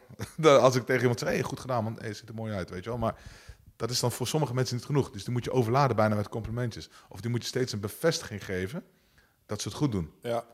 En ehm, dat, is bij, dat zou je verbazen dat dat ook bij topvechters is. Dus mensen die op het aller, allerhoogste niveau vechten. Sommigen hebben dat echt nodig. Misschien nog wel meer. Eh, niet per se. eh, maar sommigen hebben het echt overdreven nodig. Dat overal bevestiging om vragen, overal complimentjes geven. Terwijl anderen, die zijn van zichzelf... Dat heeft misschien ook een beetje met zelfvertrouwen te maken. Terwijl mensen die jij dan kent, die heel zelfverzekerd overkomen... die hebben toch die bevestiging nodig. Andere mensen eh, hebben dat minder nodig. Ik heb dat bijvoorbeeld nooit gehad. Eh, andere vechters van mij, die hebben dat bijvoorbeeld ook niet echt gehad. Martin heeft dat ook niet echt nodig. Weet je wel? Het heeft, ja, het heeft misschien een beetje te maken van... Ja, het heeft gewoon met je persoonlijkheid te maken ook, denk ik. En ook je zelfvertrouwen, denk ik ook. Ja, snap ik. Wat interessant is natuurlijk als je al een ervaren wedstrijdvechter bent die misschien een paar eh, knopen op schordel heeft en al heeft laten zien aan anderen en zichzelf dat hij het kan. Ja, dat Ja, is, eh, dat je interessant. dat mensen, nog nodig ja, dat je dat nog steeds, ja, interessant. Maar, maar dan kan je denken bij jezelf van... Nou, jeetje, wat een uh, zeurd of, of wat, wat, wat zit er te vissen naar complimentjes? Of zit er toch... Uh, maar je kan ook denken van... Hey, hij gaat er goed op of zij gaat er goed op. Laat ik het maar doen, want dat bevordert de prestatie. Uiteindelijk gaat het altijd om het einddoel. Ja. Van oké, okay, hoe krijg ik die persoon aan de top? En wat is daarvoor nodig? Zowel fysiek als mentaal. Ja. Nou goed, en dan ga je dat, dan, dan pas je, dat toe, pas je dit toe op de ene en dat toe op de andere. Ja, ah, interessant. En um, Als je kijkt naar, naar- mensen lesgeven, naar jezelf als zijnde leraar. Wat, wat is jouw grootste uitdaging in het overbrengen van deze kennis? Waar loop je het meest tegenaan? Waar je denkt van, oh Martijn, kom op man. Dit, dit, is, dit, dit vind je moeilijk in het lesgeven. Helemaal niks, bij de perfecte Nou ja, ja. dat, dat klinkt zo arrogant, maar ik doe het natuurlijk al heel lang. Hè? Ja, nee, dat is waar. Ik zit even te denken wat ik het Nou, laat, ik, laat ik de vraag herformuleren. Wat zijn uitdagingen die je hebt moeten overwinnen in het verleden daarin? Waar je denkt van, oh ja, dat vond ik in het begin van lesgeven wel echt lastig, maar dat kan ik nu gewoon. Ja, ik geef les sinds 1995, toen was ik 21. Eh, dus ik was vrij jong, begon ik met lesgeven. Ehm, ik gaf heel veel les aan oudere mensen ook. Ehm, ik gaf later ook les aan mensen die ouder waren en bijvoorbeeld heel erg skilled waren in een, eh, ik noem maar wat, Andy Jekel noemde je het straks. Andy Jekel was eigenlijk mijn, mijn broer, mijn eh, beste vriend die inmiddels is overleden helaas. Hij was toen de tijd, toen hij bij mij kwam trainen, iets van acht keer al eh Nederlands kampioen zwaargewicht worstelen. Ja. 121 kilo spier en techniek. En die moet ik dan MMA gaan leren. Ja, dat was wel even van slik. Dries van Leeuwen bijvoorbeeld. Die was ook volgens mij 13 keer freestyle kampioen eh, van Nederland eh, worstelen. Kwam ook eh, bij mij trainen, samen met Andy toen de tijd. En Jan Loomulder, die al een, een wereldkampioen thai-bokser was. En die moet je dan... En dat zijn mensen waar ik tegen opkeek. Zo, en kijk. Ehm, maar die moet je dan toch jouw systeem aanleren. En dan moet je gewoon sterk in je schoenen staan. En, en hè, dat, dat is de mensen waar ik mee begon. En later zijn natuurlijk veel, an- eh, veel, veel andere personen bijgekeken. Alice heeft bijvoorbeeld 13 jaar bij mij getra- getraind, zoals dat je weet. Uh, Koenen en Sia. Allemaal mensen die op een heel hoog niveau vechten. En dan mag er niks misgaan. Alles moet dan kloppen. Maar goed, om terug te komen op die personen. Jij, jij, jij kijkt tegen die mensen op en toch moet jij boven ze gaan staan, tussen aanhalingstekens, om ze heel duidelijk en zelfverzekerd iets te kunnen vertellen waar zij, waardoor zij beter kunnen worden. Want als ik onder hun blijf staan, dan gaan zij nooit iets van mij aannemen. Ik moet met een bepaalde zelfverzekerdheid moet ik iets kunnen vertellen en kunnen laten zien. Ik moet ook weten waarom ik iets zeg. Hè. Ik moet het ook kunnen onderbouwen. En dat was in het begin, nou ja, was best wel eh, lastig. En dat heb ik wel moeten leren. Ja. Ik ben van mezelf, was ik, eh, vroeger was ik een heel verlegen mannetje. Ja, dat, dat gaat dan niet meer. Nee, dat snap ik. Nee. Ja, en, en wat me nog extra moeilijk daaraan lijkt, is omdat het is zo fysiek en de feedback is zo direct. Kijk, als ik voor jou ga staan en ik ga vertellen over mijn time management shit, weet Ja. je wel. eh, ja, we kunnen onze time management systemen niet echt tegen elkaar, tegenover elkaar zetten om te kijken welke nou het beste is. Ja. Dat is in een situatie waarbij je bijvoorbeeld een Andy iets uitlegt, die kan je redelijk makkelijk laten zien waarom, het, waarom het niet werkt of waarom hij een betere oplossing voor je heeft. Ja. En dan sta je meteen met een soort van je mond vol tanden. ja. Eh, Ook dat wil ik nog wel even op inhaken. Ehm, nu nog steeds. Ik heb niet alle wijze, eh, wij- wijsheid in pacht. Niemand heeft dat. Dus- dus op het moment dat iemand wat tegen mij zegt, ik, ik, ik leg iets uit. Iemand zegt, oké, maar eh, zou het ook op die en die manier eh, kunnen? Dan zeg ik, nou, laat eens even zien, wat bedoel je? Nou, dan laat hij het zien. Dan zeg ik, nou ja, dat lukt niet. Omdat, eh, en dan vaak uit mijn ervaring blijkt dan dat op het moment dat je iets zo op deze manier doet, dan kan er dit en dit en dit kan er gebeuren. Hè? En met technische inzicht en mijn ervaring kan ik dan aangeven van, oké, dat moet je niet doen. Dat is niet, geen, niet verstandig. Maar soms komen ze ook met iets van, hey, denk dan bij mezelf, verrek, dat doe je goed man. Doe dat nog eens een keer. Ja, ja. Probeer eens bij mij. Dan zeg ik, nou, die doe je hartstikke goed. Dan zeg ik, nou jongens, en dan geef ik die persoon een credit. Kijk eens, eh, Michel heeft net iets laten, die heeft iets gevonden of die heeft iets laten zien. En dat werkt heel goed. Laten we er met z'n allen gaan trainen. En dat is ook een ding, hè, eh Mich, dat je, eh, je moet geen ego hebben. Hmm. Ehm, als iets goed is, is het goed. Ja. En je, jij hebt nooit, jij en ik allebei hebben niet de wijsheid in pacht. Wij- er zijn altijd mensen die meer weten van een bepaald ding of iets extra's weten, wat wij niet weten. En dan moet je gewoon ook, dan moet je kunnen accepteren, dan moet je ook kunnen om, omarmen. En daardoor alleen groei je zelf ook als persoon. En Ja. heel veel mensen, eh senseis ook, hè, leraren, die zeggen van, nee, het moet zo, op deze manier en niet anders. Weet je wel? En dan, er, heel veel eh, leraren bijvoorbeeld, die vinden het ook niet fijn als eh, ik, dat, zoals jij weet, aan het eind van de training zeg ik altijd, zeg ik altijd, oké mensen, zijn er nog vragen? Heeft iemand nog vragen? En dan stel je eigenlijk heel kwetsbaar op. Ja. Want een hele groep staat om jou heen. Ze kunnen alles vragen wat ze willen. En eh, zoals jij eh, waarschijnlijk het, eh, het spreekwoord wel kent, één dwaas die, die, kan, die kan meer vragen stellen dan tien wijzen kunnen beantwoorden. Ja. Dus jij moet dan ook toch maar wel even met de billen bloot en, en, en die vraag gaan beantwoorden. Maar ik doe dat ook om mezelf uit te dagen. Oké, zijn er nog vragen over technieken, over tactieken, over andere dingen? Ja, stel ze gewoon en eh, ja, ik, ik, ik ga daar dan een antwoord op geven. Ja, ik denk dat het echt heel knap is dat je die mindset kunt pakken. Want ik herken het patroon wat je zegt, dat sommige mensen die ergens, dus niet alleen in de vechtsport, hè, is ook in alles, die ergens een bepaalde guru-status in hebben gekregen, die worden daar ook eenkennig van in hun oplossing. Ja, Terwijl er meerdere wegen zijn die naar Rome leiden. In softwareland, misschien heb je het bij je ontwikkelaars wel eens gezien, eh, die hebben daar soms ook last van. Daar heet het eh, not invented here syndrome. Dus als ik, het, als ik de oplossing niet heb bedacht, is die niet goed genoeg. Want ik ben natuurlijk geniaal. Dus ik doe dat 50 Ja, keer ja. beter, weet je wel. Terwijl daar is een module, die kun je gewoon downloaden. Scheelt je vijf weken ontwikkeltijd, Ja, weet ja, je wel. Nee, nee, moet ik zelf maken. Ja. Dus, ja. ja dat is heel bekend. ah, grappig, ja. Nee, maar ik denk dat dat, eh, ja, open mind.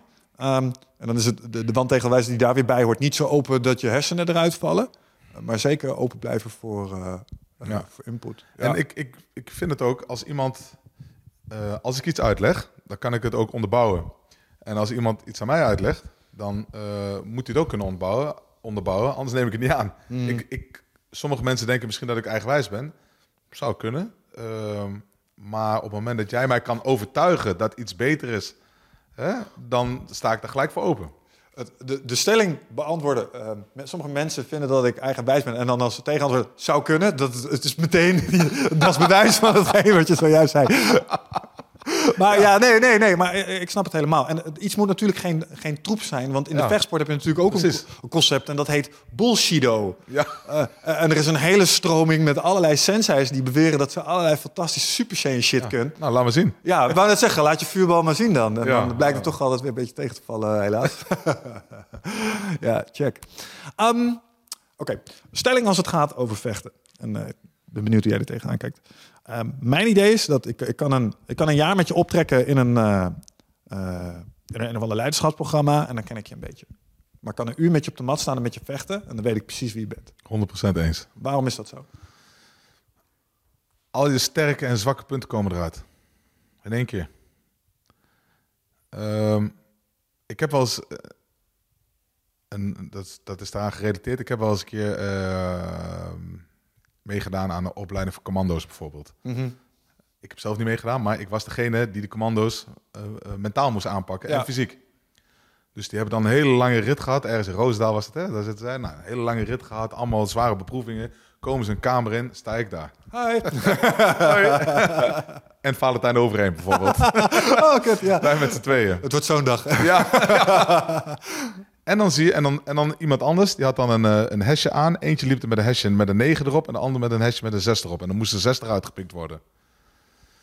Dan zie je de grootste, breedste, stoerste gasten die komen binnen. En dan moest ik heel fysiek, eh, moest ik heel eh, verbaal tegen doen. Dus even moet je je wegwezen. Echt, echt hè, verbaal aanpakken. En ik mocht ze ook fysiek aanpakken. Dus ik mocht ze een klap tegen hun hoofd aangeven. Ze hadden wel bescherming om, Ja. en eh et cetera, et cetera. Eh, kogelvrij vest. En eh, nou ja, zij hadden handschoentjes een beetje en alles. Wij niet. Wij hadden geen handschoenen, mochten alleen de ronde stoten. Slaps geven en voorwaarts trappen. Niet eens een low kick of zo. Maar goed. Zijn toch commando's? Ja, oké.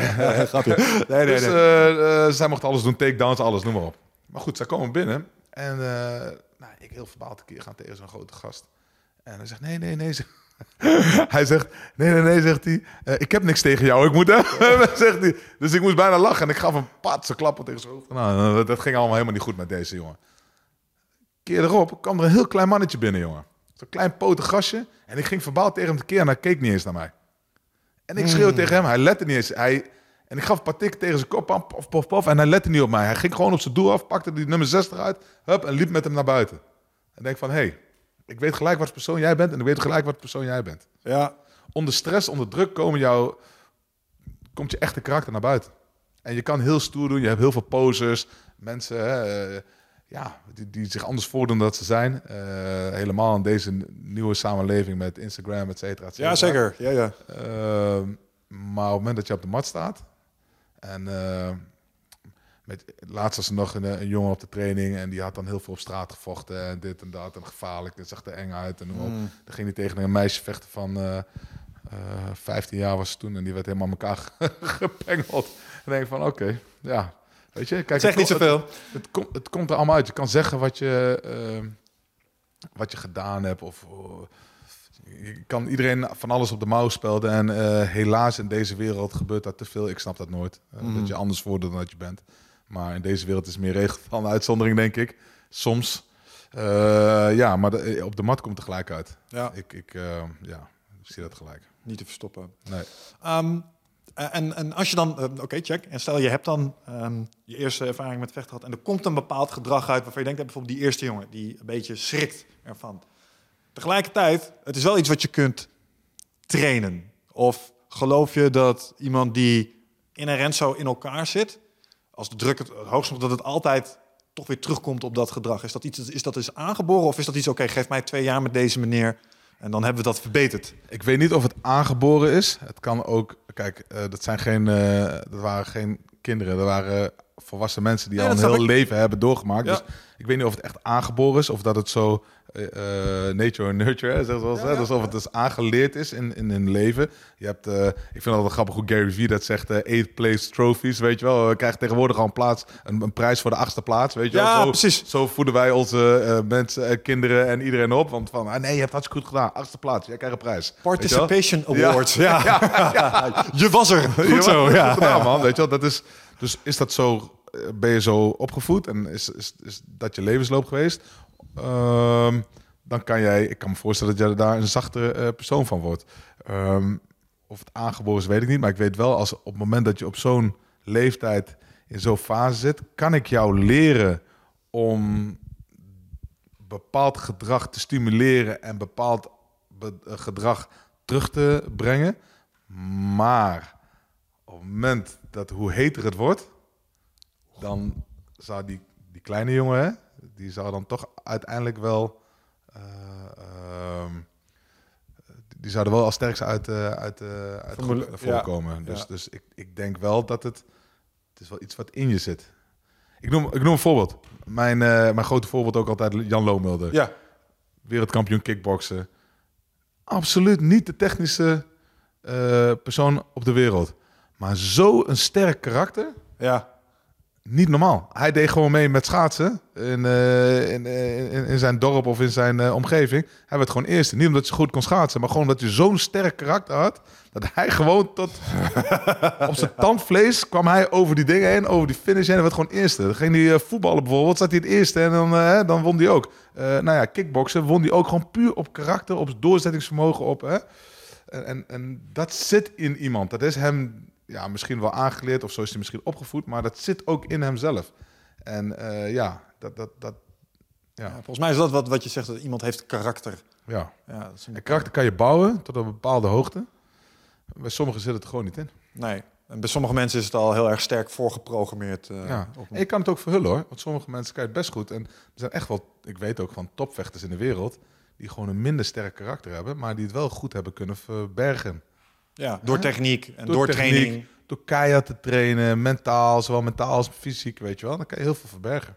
Hmm, ja. Maar als dan er iemand staat die hetzelfde proces als jij hebt doorlopen. maar een andere, hè, anders al geprogrammeerd was vanaf het begin af aan. ja, dan zou die andere waarschijnlijk heeft een grotere kans om te winnen, denk ik. dat snap ik. Oké, eh, maar dat beantwoordt denk ik ook wel de vraag die ik had van... Hey, wat is eigenlijk binnen de vechtsport het moeilijkste concept om iemand bij te brengen? Ehm, dat lijkt me dit stukje. Want we kunnen iemand een armklem bijbrengen. En die kunnen we hem feilloos laten leren. Maar dit is hetgene, dit voert het uit op het moment dat er inderdaad druk op, eh, opkomt. Ja, ja dat, eh, dat is inderdaad heel erg eh, moeilijk, hè, het mentale gedeelte. En zoals jij weet zijn er ook trucjes voor, hè, die pas je zelf ook toe. Anderzijds fysiek ook. Ik sprak Royce Gracie. Hij was bij de opening van mijn gym in Indonesië. Hij zei tegen mij, ik krijg een veel grotere kick eh, om iemand een armklem aan te leren die totaal geen, totaal geen motoriek heeft. Ja? En die bijvoorbeeld blauwe band te laten worden. ja. Dan dat ik John Jones eh, eh, naar, naar de UFC toe coach. Omdat hij al zoveel talent heeft. ja. Dus hij krijgt daar een grotere kick van. En het is ook, sommige mensen hebben totaal geen, ja, gewoon geen, geen gevoel, geen goede motoriek. Maar die willen wel heel graag. En als je die dan iets kan leren, Ja. Ja, dan... Oké, stel, stel je voor je zit hier naar te luisteren en je hebt jezelf ten onrechte in een eh, eh, categorie eh, motoriek niet vaardig genoeg voor vechtsporten ge- gezet. Hè? Sommige mensen zeggen, ja, is niks voor mij, is mij te Ja. fysiek. En dan denk ik altijd, je gaat Braziliaanse jiu-jitsu doen.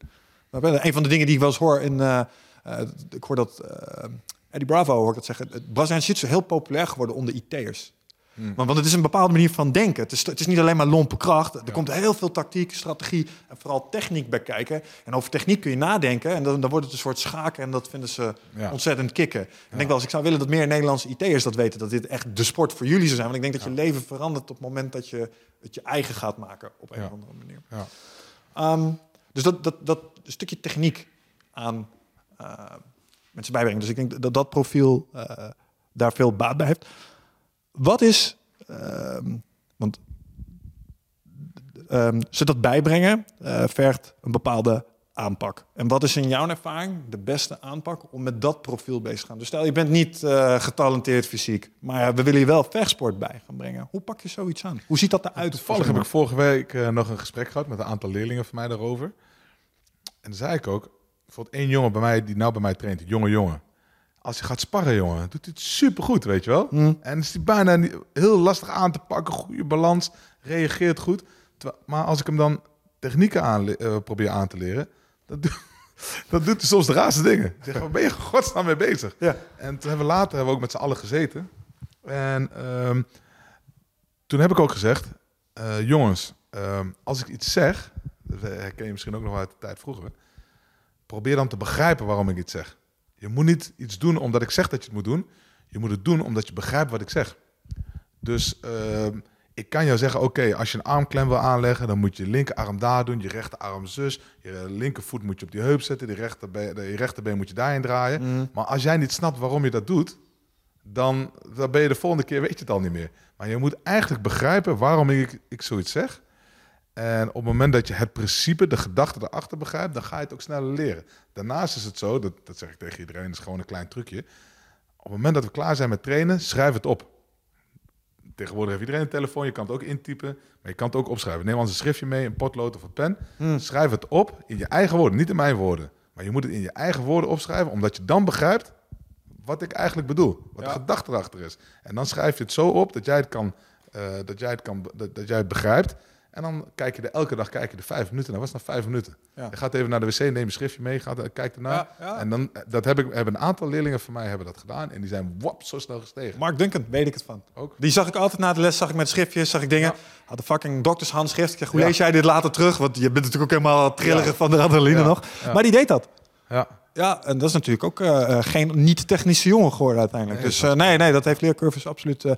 Maar dat vind ik tof, want ik ben ook iemand, groot voorstander van aantekeningen maken. Maar mijn kennisoverdracht is vaak theoretisch, veel minder, minder, minder lijfelijk. Maar dat het zelfs bij een fysieke vaardigheid leren, dat die aantekeningen belangrijk Ja. zijn. Heb je wel eens over nagedacht waarom dat zo sterk werkt? Ook daar? Nou, ik denk dat je op het moment dat jij het ondergaat, dus ik kan een heel uur tegen je aanlullen en jij kan een uur tegen mij aanlullen. En dan, dan moet ik proberen te onthouden wat je tegen mij hebt gezegd. Maar op het moment dat jij moet gaan samenvatten wat er in dat uur is gezegd of gedaan is, dan moet je erover nadenken. Dan denk je, oké, hoe was het ook weer? Oei, eh, ja, want je onthoudt nooit alles in detail. Maar op het moment dat je erover na gaat denken, kan je het wellicht wel terughalen. Op het moment dat je het gaat terughalen en je schrijft het op, ja, dan programmeer je automatisch, probeer, programmeer je het in je hersenen, heb ik het idee. Ehm, en waarschijnlijk hoef je al niet eens meer naar het schrift te kijken, omdat je, de, je hebt het al geprogrammeerd, omdat je het concept, de gedachte daarachter begrijpt. Ja. Dat is vaak het allerbelangrijkste, denk ik. Ja, wat ik je eigenlijk wil zeggen, als ik het in mijn eigen woorden de vertaalslag. Dus ik, ik heb het op zijn Martijns gehoord. Nu moet ik het naar zijn Michels vertalen. Ja. En in dat vertaalproces ga, Ja. parse ik het. Ja. En dan heb ik het opgeschreven, dat is het product. Nou is dat product dan niet eens meer belangrijk. Maar ik moest mezelf even die stap Ja. van dat vertalen doordwingen. Ja, Ja. ja. en wat ik er tof aan vind, is dat dat dus blijkbaar een even groot effect heeft op bijvoorbeeld een armklem leren. Als dat dat heeft op, eh, zo maak je een masterlist en dit is wat slice en dice is. ja. Ja, dat vind ik echt fascinerend. Nou, daar zouden een boel mensen denk ik een voordeel mee kunnen doen in, in termen van fysieke training. ja. Gaaf. Eens. Ehm, we hadden het net al even over vechten en mensen leren kennen op het moment eh, eh, dat ze knokken. Nou, jij bent ook iemand die wel wat tijd in competitie heeft doorgebracht. Ehm, wat voor soort vechter ben je zelf? Ehm, ja, ik was meer een technische vechter. Ehm, ehm, voor mijn gewicht, ik vocht altijd tot 83 kilo, was ik niet de sterkste. Ik, daardoor moest ik dat compenseren met techniek. Eh, ik ben ook nooit een fan geweest van fitness. Eh, niet omdat ik niet denk dat het goed is, maar meer omdat ik het niet leuk vond. Ja, ja. Sommige dat is ook eerlijk, dat- ja. ja, eerlijk zijn. Eh, sommige mensen vinden het wel heel leuk. En die kunnen dan weer meer op hun kracht eh, eh, bouwen. Ehm, ik was ook geen brawler. Dat is niet aan mij voorbestemd. Sommige mensen hebben keiharde kop. En die kunnen gewoon voor iemand staan en stoten. En dan, ja, ja. En die zal altijd kijken wie de dikste billen heeft ja, ja, ja, ja. voorstaan en dan, hè, en dan, en dan die slagenwisseling aangaan en dan eentje, zo een, een, Silva bijvoorbeeld. Dat is niet dacht mijn je van Fry tegen Takeo. ja, ja, zoiets. Maar dat is niet mijn stijl. Dat Nee. is, dat, daar ben ik niet voor gemaakt. Mijn fysiek is daar niet voor gemaakt. Ben ik gewoon niet goed in. Eh, dus ik moest het hebben van snelheid, inzicht, eh, techniek. Omdat ik denk toch wel dat techniek eh, ja, het altijd wint van kracht. Ja. Ja. Zie je dat ook terug in je dagelijks leven nu? Omdat we er straks de stelling aangingen. hey, zoals je vecht, zo doe je meer dingen. En, en is, dit, is dit ook waar op dit ja, onderdeel? Ik, ik, denk het wel. Dat ik denk van, niet alleen maar qua sport, maar met alles. Dat ik wel wil begrijpen hoe dingen in elkaar zitten. En op het moment dat ik weet hoe dingen in elkaar zitten, kan je het makkelijker toepassen. Ja. En, eh, dat denk ik wel, ja. ja. ja. Ja, omdat ik het zelf ook... ehm, het is een van de belangrijkste inzichten die Braziliaanse Jiu-Jitsu mij in mijn leven hebben gegeven. Dat je, als je kracht uitgeeft, kun je een bepaald effect sorteren. Maar als je je kracht uitgeeft met een bepaald principe erachter, kun je er meer effect mee sorteren. Een hefboom bewijst dit, snap je? Ik kan iets deadliften, maar kan er een stok bij gebruiken en ineens kan ik veel meer aan. ja. Ehm, bijvoorbeeld toen een Meloes Koenen, die beduidend minder woog als ik, eh, veel minder sterk was als dat ik was, korte metten maakte eh, met mij, omdat zij de technieken Ja. eh, beheerste. Ja. En, en ik heb, want je weet, mijn ding is eh, de persoonlijke effectiviteit. Wat ik interessant vind, is dat diezelfde principes zijn daar ook waar. Weet je wel, don't work harder, work smarter. Er zijn bepaalde foefjes, kun je de uur kun je meer productiviteit halen. Kun je uit één techniek kun je meer effect sorteren, dus Ja. een bepaalde tegenstander opslaan. Dus dat is interessant. Grappig dat ook in jouw boek stond dat je de 4-hour workweek ben je ook een grote fan van. En die heb ik toevallig ook eh, onlangs aangeschaft, Oh, cool. Een Ja. beetje laat, maar vooruit. Ik denk, eh, nooit te Sorry to the party. Ja. Ja, ja, gewoon fashionably late dit. Maar ehm, wat, eh, eh, oké, wat zijn de eerste dingen die je eruit hebt gehaald voor jezelf al? Ik ben nog aan het lezen, dus ik heb het, ik, ik, heb het nog niet helemaal uit. Ik ben een klein stukje. Ja, hierna maar, wil je maar wel weer- gewoon heel, heel effectief nadenken. Wat effectiever nadenken over je dagindeling. over omgaan met. ehm, ik ben van mezelf nogal toch nog wel redelijk een control freak. Wil alles in eigen handen houden. En ik ben altijd bang dat als ik het zelf niet doe, dat het dan helemaal niet goed gaat. Kan ik helemaal niet plaatsen. Ben. Nee. Als iemand die websites voor je gemaakt heeft, nee, dit herken ik echt helemaal niet.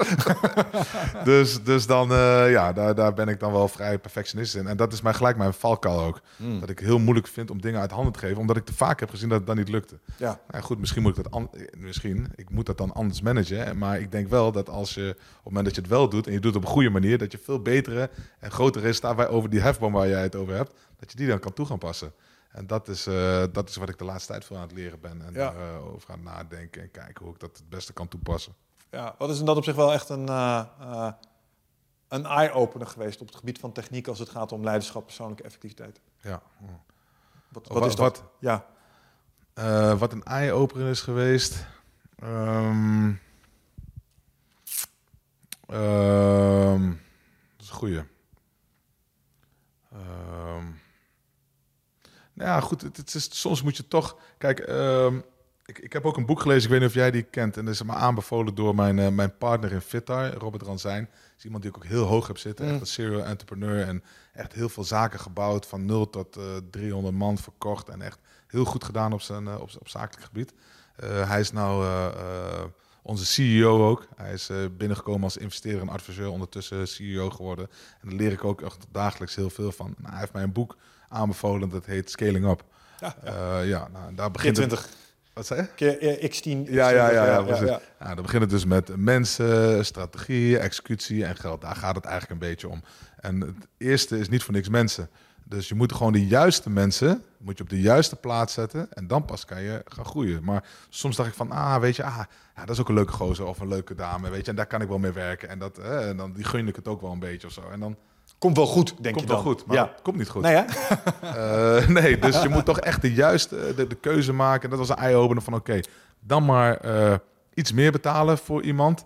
Eh, en dan zul je zien, en die, dan zet je de juiste persoon op de juiste plek. En dan zul je zien dat de resultaten gelijk keer zoveel gaan, inderdaad. Het is echt goed dat je dit zegt nu.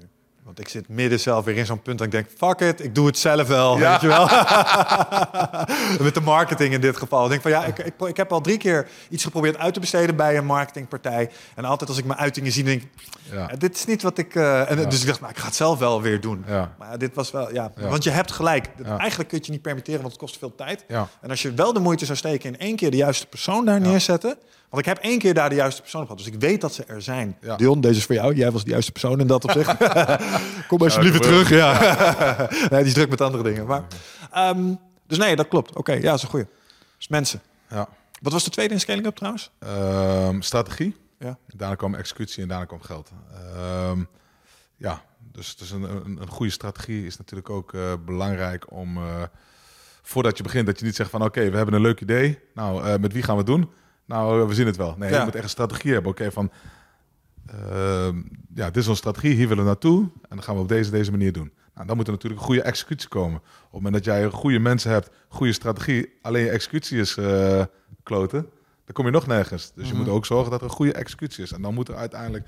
en eh, je moet er geld mee kunnen verdienen... om het sustainable te eh, laten zijn... En er moet voldoende geld zijn om de eerste periode door te komen. Ja, Hè? Om, om voordat het zichzelf eh, eh, terug gaat verdienen. ja, ja, ja. Dus dus dan moet seed money. Ja. Ja, Ook hier liggen weer parallellen met de vechtsport. Als je er op dat niveau naar kijkt. Bedoel, eh, Ja. Vooral dat eerste Ja. stukje, je mensen, Ja. je plan, je moet een gameplan hebben, je executie doet er ook toe. Je doet het ook niet zomaar voor niks, dus het zou wel leuk zijn als je er ook een boterham mee kan ook, met, eh, als je dan kijkt naar Martin bijvoorbeeld, ja, weet je wel, ook hem. eh, we- we- we- hij, is, hij is de goede persoon, oh, dat is de goede strategie. Executie, ja, dat- dat, kwam dus hè, dit keer mede door COVID. ja, ja. was de executie wat minder, weet je wel. En daardoor was het geld ook minder. ja, als je, eh, zo werkt het bij de UFC. Als je wint, dan krijg je dubbele. Ja, ja, ja.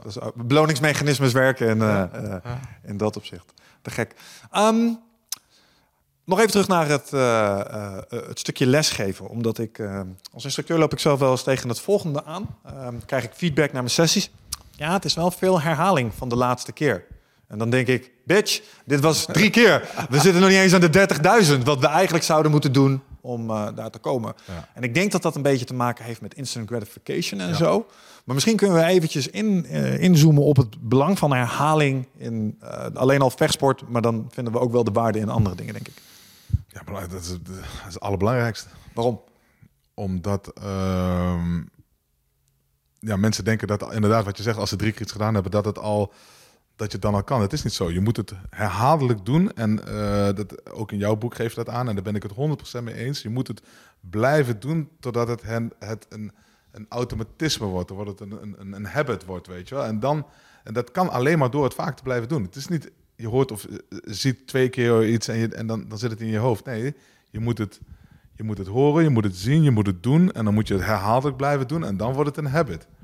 En dan, eh, ja, en, en dan, dan pas zul je daar eh, vruchten van gaan plukken. Want Ja. daarvoor gaat het gewoon niet gebeuren. Nee. Hoe, hoe, hoe wordt dat vormgegeven in de vechtsport? Hoe ziet dat eruit? Nou, kijk, Gewoon fysiek.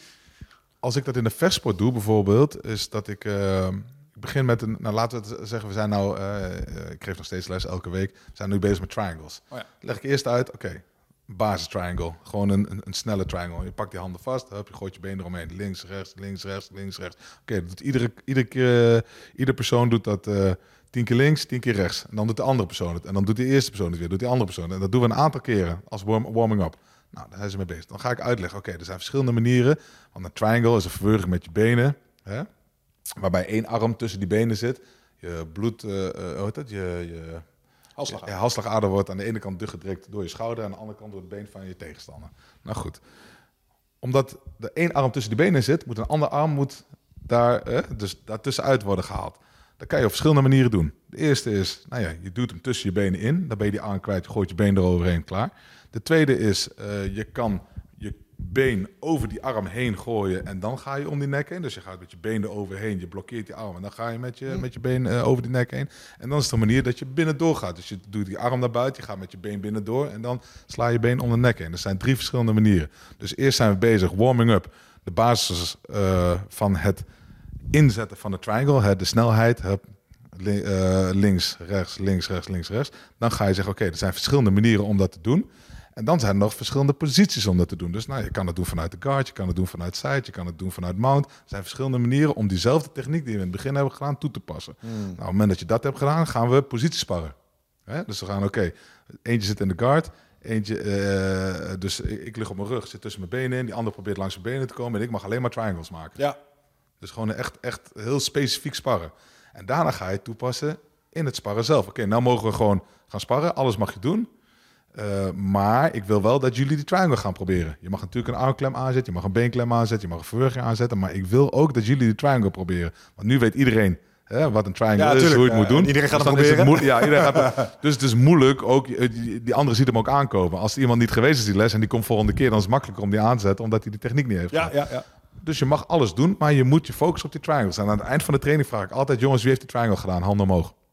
En er zijn er altijd een aantal die hebben het gedaan en een aantal die niet hebben gedaan. En dan zie je bijvoorbeeld bij Martin, die probeert altijd elke training de techniek die we op dat moment hebben ge- geleerd. En daarom zie je ook dat hij heel snel gel- eh, groeit en de anderen wat minder. Omdat je moet het doen. Ik zeg, als jullie het nou niet doen in sparren, over een week zeg je van, oh, hoe ging het ook weer? Over twee weken zeg je van, ehm, ja, we hadden er toch twee geoefend. Nee, vriend, we hadden er acht geoefend. Oké. Over een maand zeg je van, eh, triangle, hoe ging dat ook alweer? En over drie maanden zeg je van, triangle hebben we nog nooit gedaan. Weet je wel? Je moet het gewoon doen. Je moet het continu doen. En die kracht van die herhaling, op verschillende manieren, van basis naar verschillende, verschillende setups, naar eh, verschillende posities, naar positiesparring, naar Ja. eh, het- echt sparren, in het echt toepassen. Hè, dat, dat zie je dus ook met jouw technieken die jij aan mensen aanleert. Eerst gewoon verschillende drills doen, oefeningen. En uiteindelijk moet je het in de, in de praktijk gaan toepassen.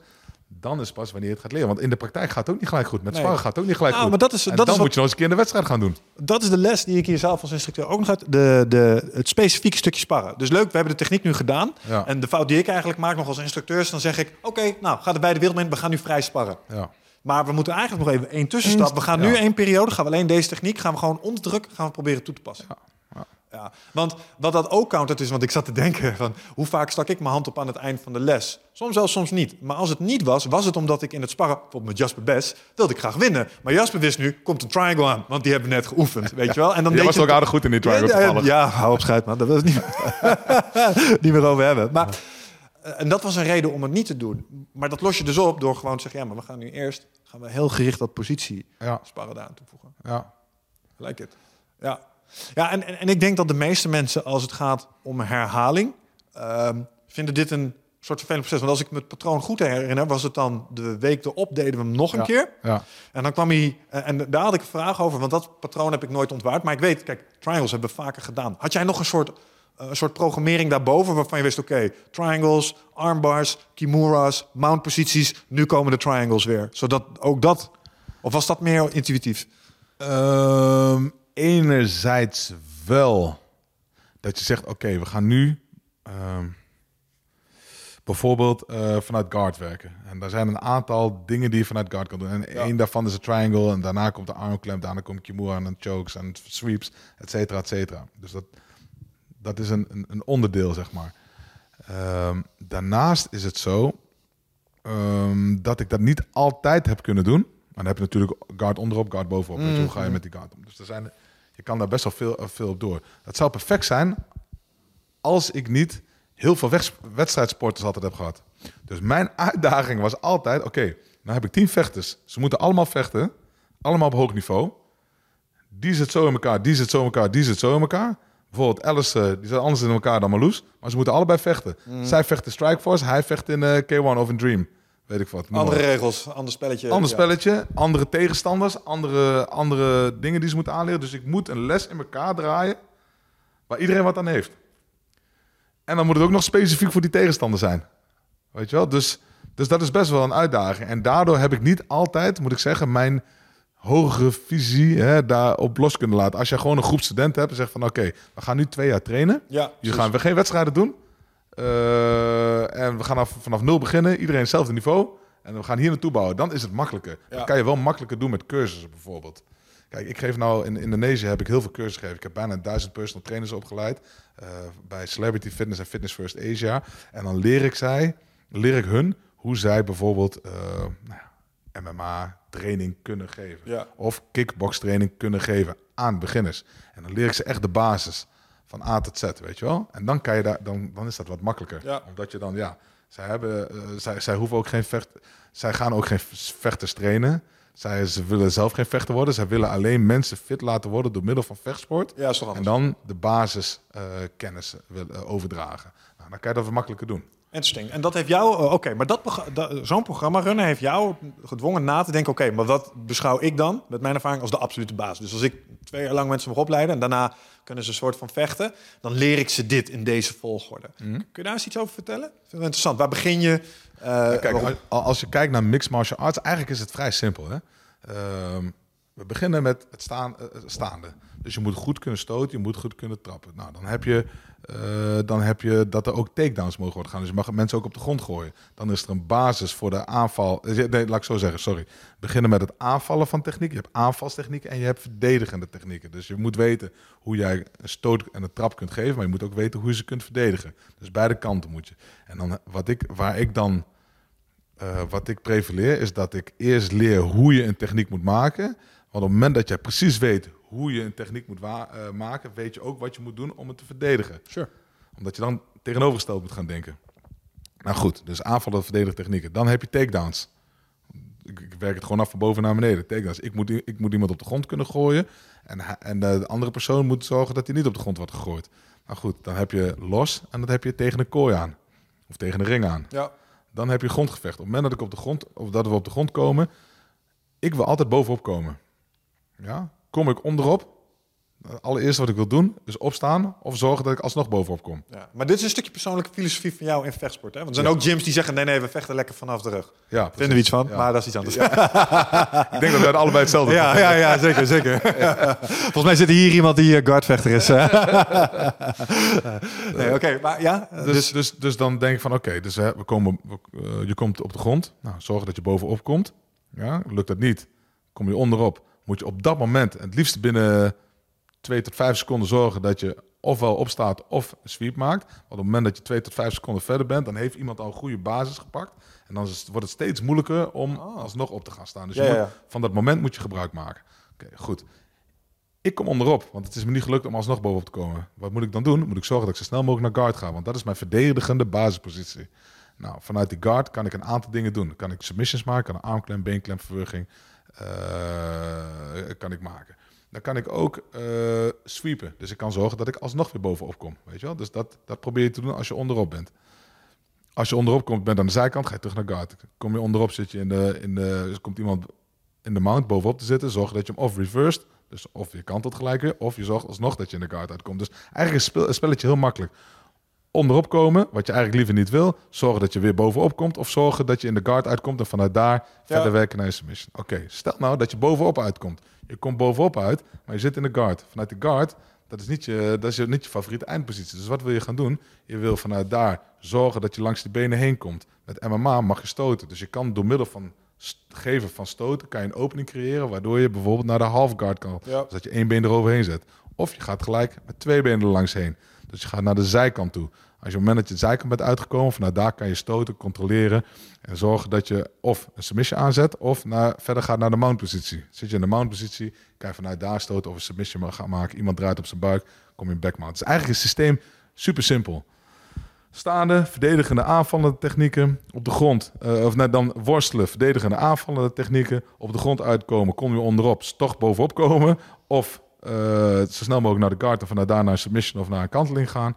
Eh, kom je bovenop, zorg je dat je uit die guard komt. Als je al daarin uitkomt, ga naar de zijkant, naar toppositie en aanvallen. Nou, op het moment dat je die dingen allemaal weet, dus eh, oké, ik, ik weet hoe ik moet, moet aanvallen, dan ga je ook leren om hoe moet je dat verdedigen. Ja. Want op het moment dat jij weet dat als ik een armklem moet aanzetten, moet ik, mijn ar- moet ik zijn arm overstrekken en ik moet richting de pink, omdat dat een natuurlijke beweging is en hier overstrek ik hem. Ja. Dan weet ik ook, nou iemand die valt mijn arm aan, moet ik zorgen dat ik juist de andere kant op ga. Weet je wel? Nou, Bij me houden. ik zeg altijd, als je een armklem aanzet, moet je zoveel mogelijk met je heupen onder zijn oksel zitten.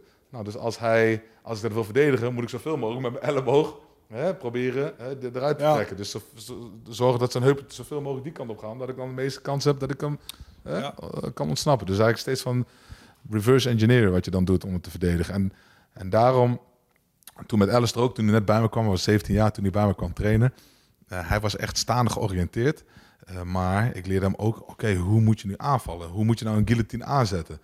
Als je wil weten hoe je verdedigt, dan moet je weten, oké, eh, zo zet ik hem aan, maar ik moet precies het, het tegenovergestelde doen om te verdedigen. Dat is eigenlijk mijn filosofie altijd geweest. Kan zijn dat andere mensen het anders doen, maar dat is hoe ik het doe. Ja. En eh, daardoor werd Alistair toevallig ook heel vaak eh, winnaar door middel van de guillotine. Best wel goed in Ja. de guillotine choke uiteindelijk, ja.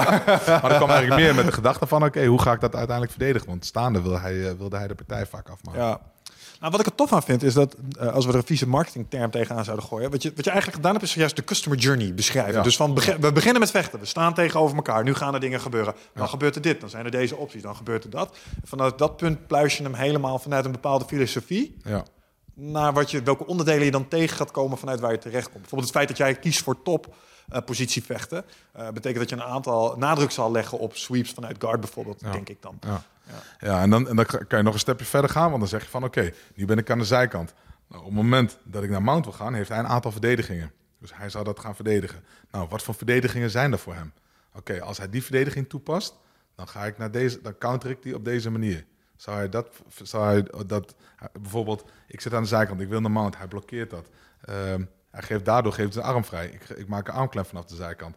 Hij zou die armklem kan die verdedigen op 1, 2, 3 manieren. Hij, hij verdedigt met eh, manier 1. Ik heb daar weer wat voor. Hij verdedigt met nummer 2. Ik heb daar wat voor. Dus zo kan je dat steeds door blijven denken. Dus op het moment dat ik aan het vechten ben, ben ik continu aan het denken: oké, eh, ik, zit, ik, ik ben bovenop uitgekomen. Dan moet ik langs die benen. Oké, als ik naar die benen ga, dan kan hij dat verdedigen door die die man- dingen te doen. Hij kan bijvoorbeeld zijn knie optrekken op deze manier. Dan ga ik met mijn, mijn schuif met mijn knie binnendoor. Ga ik eroverheen. Maar hij kan hem ook wat hoger optrekken. hey, dan is daar een beenklem voor mij, weet je wel. Dus ik ben Ja. continu aan het denken: zet ik die beenklem in, hij kan het verdedigen op die manier. Nou, op het moment dat hij zo verdedigt, dan kan ik mijn been weer eroverheen gooien, kan ik naar een enkelklem toe. Dus, dus je blijft continu doordenken in een oneindige cirkel. Eh, steeds probleemoplossend bezig Ja, zijn ja, eigenlijk. ja. Welke Gracie was dat ook alweer? Die jiu-jitsu schrijft, eh, he does this, I do that, he does this until someone loses. Het is steeds het switchen van positie tegen positie. Ja. En, en dit is denk ik het gedeelte waarvan ik soms zou willen dat mensen de, de, de complexiteit, want het is een heel mooi spelletje dat Braziliaanse jiu-jitsu, van Braziliaanse jiu-jitsu iets meer zouden waarderen. Eh, want als ze dat zouden zien, kijk, als jij jiu-jitsu niet kent, dan zie je twee dudes bovenop elkaar rollen. Dan denk je, wat gebeurt hier? Weet je, Ja, het ja. ziet, er, ziet er intiem uit dit. Ehm, ja. de, eh, maar terwijl tegelijkertijd wordt er een schaakspel gespeeld. Ja. Eh, waar ook nog eens kracht en conditie bij komen kijken. Dus je weet allemaal, als je het moeilijk hebt fysiek, dan wordt het denken niet makkelijker. Ja. En dan ben je dus ook nog eens in staat om dat soort denkwerk te doen. Ja. Ja, dat is mooi. Ehm, daar zit nog wel één ding bij, want je, want je zegt het nu. Ehm, zo van, ja, dan ga ik naar die positie en naar die positie. En, en nu snap ik dat. En nu begrijp ik dat, totdat we gaan sparren. En dan komt de druk er bovenop. En dan moet het ook nog ergens weer zitten. Hoe, hoe kweken we dat? Dat dat, dat in het Ehm. moment er ook nog is. Want ik heb ook altijd goede voornemen, ook met werk. Hè. denk je, ik ga het zo doen, ik ga het zo aanpakken. En dan gebeurt er iets en dan is het drukker. En dan kijk je erop terug en denk je, we deden gewoon wat we altijd deden. Ja, ja. Hij zegt wel eens iron sharp as iron. Je moet het gewoon continu onder druk blijven doen. En ehm, je, inderdaad, je, je, en dan is het belangrijk dat je een goede coach bij je hebt. Eh, dat kan ik zijn in, in vechtsport. Dat kan jij zijn in, jou, in de dingen die jij doet. Sure. Op het moment dat de druk op komt staan, dan val je vaak weer terug in je comfortzone. En dan denk je van, of, je, of dan wel door vermoeidheid, of dan wel door druk, of dan wel door andere dingen. Je valt weer terug in je eigen ding. Of op, het kan zijn in je eigen, in je eigen comfortzone, maar het kan ook zijn op, op, op, op eh, eh, natuurlijke dingen die je gewoon vanuit je natuur doet. Hè? Eh, en dat is niet per se altijd de goede manier. Mhm. Ehm, en dan moet, je, dan moet je iemand bij je hebben staan die zegt van oké, ik coach jou en draai even je heup eruit.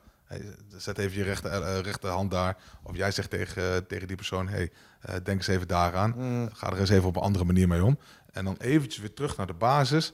Keertje goed ademhalen, daar hadden we het begin al over. Neus in, mond uit. Hè? En dan, eh, dan, dan, eh, dan denk je van, oké, niet alleen in, in vechtsport, maar ook in, in het businessleven. Van goed nadenken. Wat ik, vaak doe als ik, wat ik vaak doe als ik onder druk sta, dan ga ik even wandelen in de natuur. Dan ga ik even wandelen langs het water.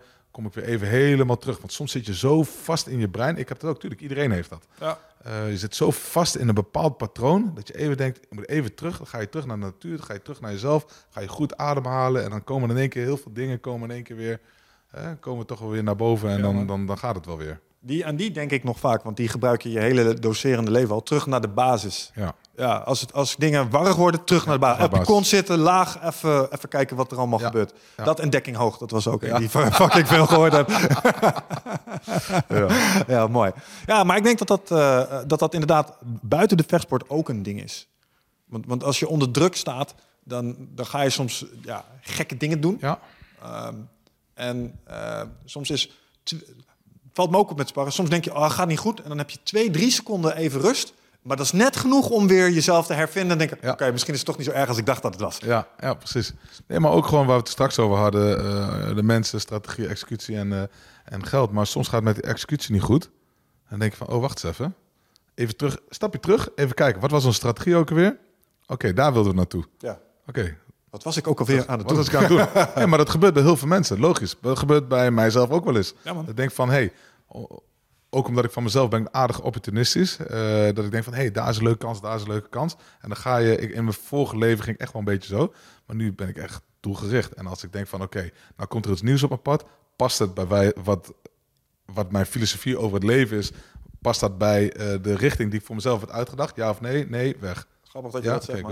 Ik ben de laatste tijd tot inzicht gekomen. Ik dacht altijd dat gedisciplineerd zijn betekende zoveel mogelijk doen. Maar gedisciplineerd zijn is sommige dingen gewoon niet doen. Ja, Omdat je het eigenlijk zou willen doen vanuit wat je zegt, opportunisme. Van, ja, maar dit zou toch ook... Ja, Ja, nee, ja, gast, je nee. hiermee bezig. ja, Stick to it. ja. Je hebt een plan. Ah, interessant. Ja, mooi. Oké. Hey, nog één ding eh, waar ik het eh, in het kader van eh, kennisoverdracht over wil hebben.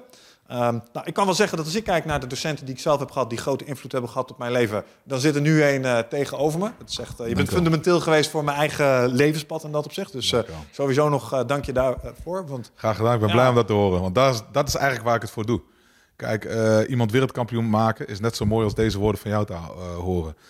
Mijn doel in het leven is, denk ik, daar ben ik, eh, ik heb wat vragen aan mezelf gesteld. Mijn doel in het in het leven is om zoveel mogelijk mensen positief aan te raken. Ja. En als ik dit dan hoor, dan denk ik dat ik dat, daar ben ik daar heel blij mee. ben je zeker aan het doen. Ben je zeker aan het doen. En jouw manier van denken is aanstekelijk geweest voor mij. En neem ik nu weer mee naar mijn lessen. Het is ook stiekem mijn hoop dat er ooit nog eens docenten die dan dingen die ik zeg herhaal, zeg maar. Want ik terug naar de basis. Dat zijn dingen die roep ik in mijn eigen Ja. trainingen nog heden ten dagen. Dus eh, nogmaals, dankjewel daarvoor. Maar jij hebt natuurlijk ook dat soort docenten gehad. En dat vind ik altijd interessant. Want de docent, ik denk dat eh, iedereen heeft een aantal van die leraren in zijn leven gehad die hem op zo'n manier hebben geraakt. Maar als je er tien jaar later op terugkijkt, denk ja man, die hebben invloed gehad. Wie, eh, een, een, soortgelijk figuur is eh, de vader van Marloes Koenen bijvoorbeeld. Meneer Koenen, dat was mijn tekenleraar. Die had een bepaalde manier van lesgeven. Was ook heel streng, heel gedisciplineerd. Ja. En ik denk nog vaak aan hem als het gaat om lessen. Zeg maar, hij zei altijd, je bent niet getalenteerd, jij moet veel schetsen. Oké, thanks man, denk ik. maar ik schets veel. En dat heb ik Ja. daaraan overgehouden. Ja, ja Wie was zo'n docent voor jou en wat heeft die, die persoon jou geleerd? Een docent echt, echt op school of gewoon Nee, docent maar iemand leven? die jou iets geleerd heeft. Een leraar, een, dus een sensei, anything goes. Ja, sowieso Jan Loomulder, die hou ik altijd aan. Kijk, als hij bij mij in de hoek stond, dan kon ik gewoon dwars door een muur heen lopen. Dat, Ja. eh, dat, dat, die gaf mij gewoon eh, aan dat ja, ook, ook het, het discipline, hard werken, gewoon je mindset, dat dat zo belangrijk is om dingen te bereiken. Je kan alles bereiken wat je wil. Alles. En, en heel veel mensen denken beperkend. En ik had daar zelf ook heel veel last van. En ik heb, dat, ik heb daar steeds minder last van eigenlijk. Maar het zit zo in onze eh, maatschappij eh, verweven om beperkend te denken. Om maar in dat hokje te passen. Terwijl- Normaal, Ja, gek genoeg. Ja, ja, ja. Maar eh, bij Jan Loomulder ook gewoon heel erg out of the box. Gewoon, eh, als jij denkt dat je dat kan, dan kan je dat ook. En eh, echt die, die, die, sterke mindset kweken, daar heb ik heel veel, heel, heel, heel veel aan gehad. Er zijn een aantal dingen. Mijn vader heeft bijvoorbeeld ook gezegd, ehm, als je ergens aan begint, moet je het afmaken. Ja. Ja, dus niet, niet zomaar iets gaan doen en dan eh, over twee weken weer iets anders en over drie weken. Maar eh, daarentegen wil ik wel zeggen dat vooral jonge mensen, die moeten dingen gewoon proberen. Het is niet zo dat eh, mensen, kijk, vanuit de maatschappij worden we heel erg opgevoed van, oké, we moeten hard studeren, we moeten een goede baan zoeken, we moeten eh, veel geld verdienen en dan moeten we ook heel veel belasting gaan betalen uiteindelijk. vooral en dat, dat. is het. En dan ga je dood. ja, kijk, dat, dat, dat is ook niet hoe ik het zie. Als je ergens aan begint, moet je het wel afmaken. Je moet een bepaalde dedication moet je hebben, je moet een bepaalde discipline hebben, doorzettingsvermogen, maar je moet ook dingen proberen, vooral als je jong bent. Je kan gewoon dingen proberen. Ja, je hoeft niet gelijk, eh, oké, nou ga ik... van- vanaf je twaalfde ga je naar de, naar de brugklas. Nou, dan, dan kies je al wat vakken. Hè. Uiteindelijk moet je wat vakken gaan kiezen. Nou, oké, ik wil... ik doe wat... eh, nou ja, wiskunde vind ik leuk. En dan betekent niet dat je nou gelijk maar voor de rest van je leven accountant moet worden of zo. Nee. Zo werkt het helemaal niet. Je moet gewoon... Als je iets doet, moet je het goed doen. Maar je moet wel... je, je mag best een beetje rondkijken. Je mag best gaan proeven links en rechts. En het liefste gewoon proeven echt op de werkvloer. Van oké, hoe vind ik dat nou? Hoe is het nou echt in de praktijk? Dus dat zijn wel dingen. En Maar van mijn vader heb ik wel geleerd, oké, als je ergens aan begint, moet je het ook afmaken. En, en zo heb ik er ook, eh, zo sta ik ook wel in het leven. Als, je ergens, als, ik, als ik ergens aan begin, dan ga ik er ook vol voor. En dan ga ik niet half-half zoiets doen. Zelfs met het eh, grappige softball recreant. Ja, ja, ja, ja. begin, dan ben ik er gewoon. Op de training ben ik er gewoon. Of ik moet echt, echt niet kunnen, maar anders ben ik er gewoon. Ja. Ehm, ja, dus dat zijn wel, eh, dat zijn wel, eh, ja, dat zijn wel mensen waar ik, eh, waar ik dingen van geleerd heb die voor mij wel belangrijk Mooi. zijn. Ja, Wijze lessen, wat Ja. mij betreft. ja, ja. Ja, natuurlijk ook in je eigen toolkit gestopt. En. En daarnaast heb ik ook van, ik weet niet precies van wie dat nou precies geweest, van wie dat nou geweest is, maar wel iets van in het algemeen van als je je kan beter spijt hebben van de dingen die je gedaan hebt, als de dingen die je niet gedaan hebt. Mhm. Dus je hoeft niet bang te zijn om dingen te proberen. Ik zeg altijd van we gaan gewoon, we gaan het gewoon proberen, we gaan het gewoon doen. En als er moeilijkheden komen, we cross that bridge when we get there. Gewoon Ja. niet te moeilijk denken. Eh, mensen zijn geneigd om heel veel beren op de weg te zien, om bijvoorbeeld en daardoor dingen niet te gaan doen. Maar als je dan later 80 bent en je ligt op je sterfbed, hopelijk wat later nog, en je kijkt terug en denkt van shit, had ik dat maar gedaan. Ja, nee, je moet gewoon doen. Het, is, het is makkelijker om sorry te zeggen als het later nog een keer op te pakken soms. Ja, Ja, Ja. kan je beter proberen. dat is echt zo. Dat denk ik ook. En eh, ja. Ja, tegelijkertijd dood of de gladiolen. Ja, toch? Ja. Eén leven. Maak er wat moois van. ja, toch? Ja, eens. Ja, ja. Top, man. Hey, ehm, Martijn, dankjewel eh dat je wederom eh, bij ons naar de studio bent gekomen. We zitten inmiddels alweer bijna op de twee uur. Het gaat altijd snel, hè? Ja, omdat het altijd gezellig is. Ja, ja dat, dat sowieso. Dus eh dankjewel dat je weer eh, wilde langskomen. Wat mij betreft zeker niet de laatste keer. Dus eh, we zien jou wat mij betreft eh, nog een keer terug. Ehm, als de luisteraars jou zouden willen opzoeken... of eh, een toffe Fitar eh, home module willen bestellen... wanneer zijn ze verkrijgbaar voor de consumentenmarkt? Eh, we hopen dat de Fitar Smartbox, hoe wij, die, eh, hoe wij hem noemen, dat die binnen nu en een twee, drie maanden beschikbaar is. Ik bestelde bij deze officieel heen. Oké. Dus ik wil er eentje Mooi. hebben. Ja. Hartstikke leuk. Nee, en eh, ja, maar we zullen dat eh, kenbaar maken sowieso op onze Instagram, Fitar. Top. Smart Mirror staat er volgens mij op. Eh, nou ja, of via mijn eigen Instagram, Martijn underscore D-E-J, de Jong. Top. Daar, kun je, daar kan je me vinden. En ik denk dat het makkelijkste is. Instagram en LinkedIn ben ik wel actief. Ja, Ja. right. Nou, thanks. Dankjewel dat je er was. Luisteraars, tof dat jullie ook weer ingecheckt hebben. Eh, go check out de Fitar. En eh, check Martijn sowieso eens uit. eh, inspirerende gast en doet toffe dingen. Dank jullie wel voor het luisteren weer. En tot de volgende keer. Ciao.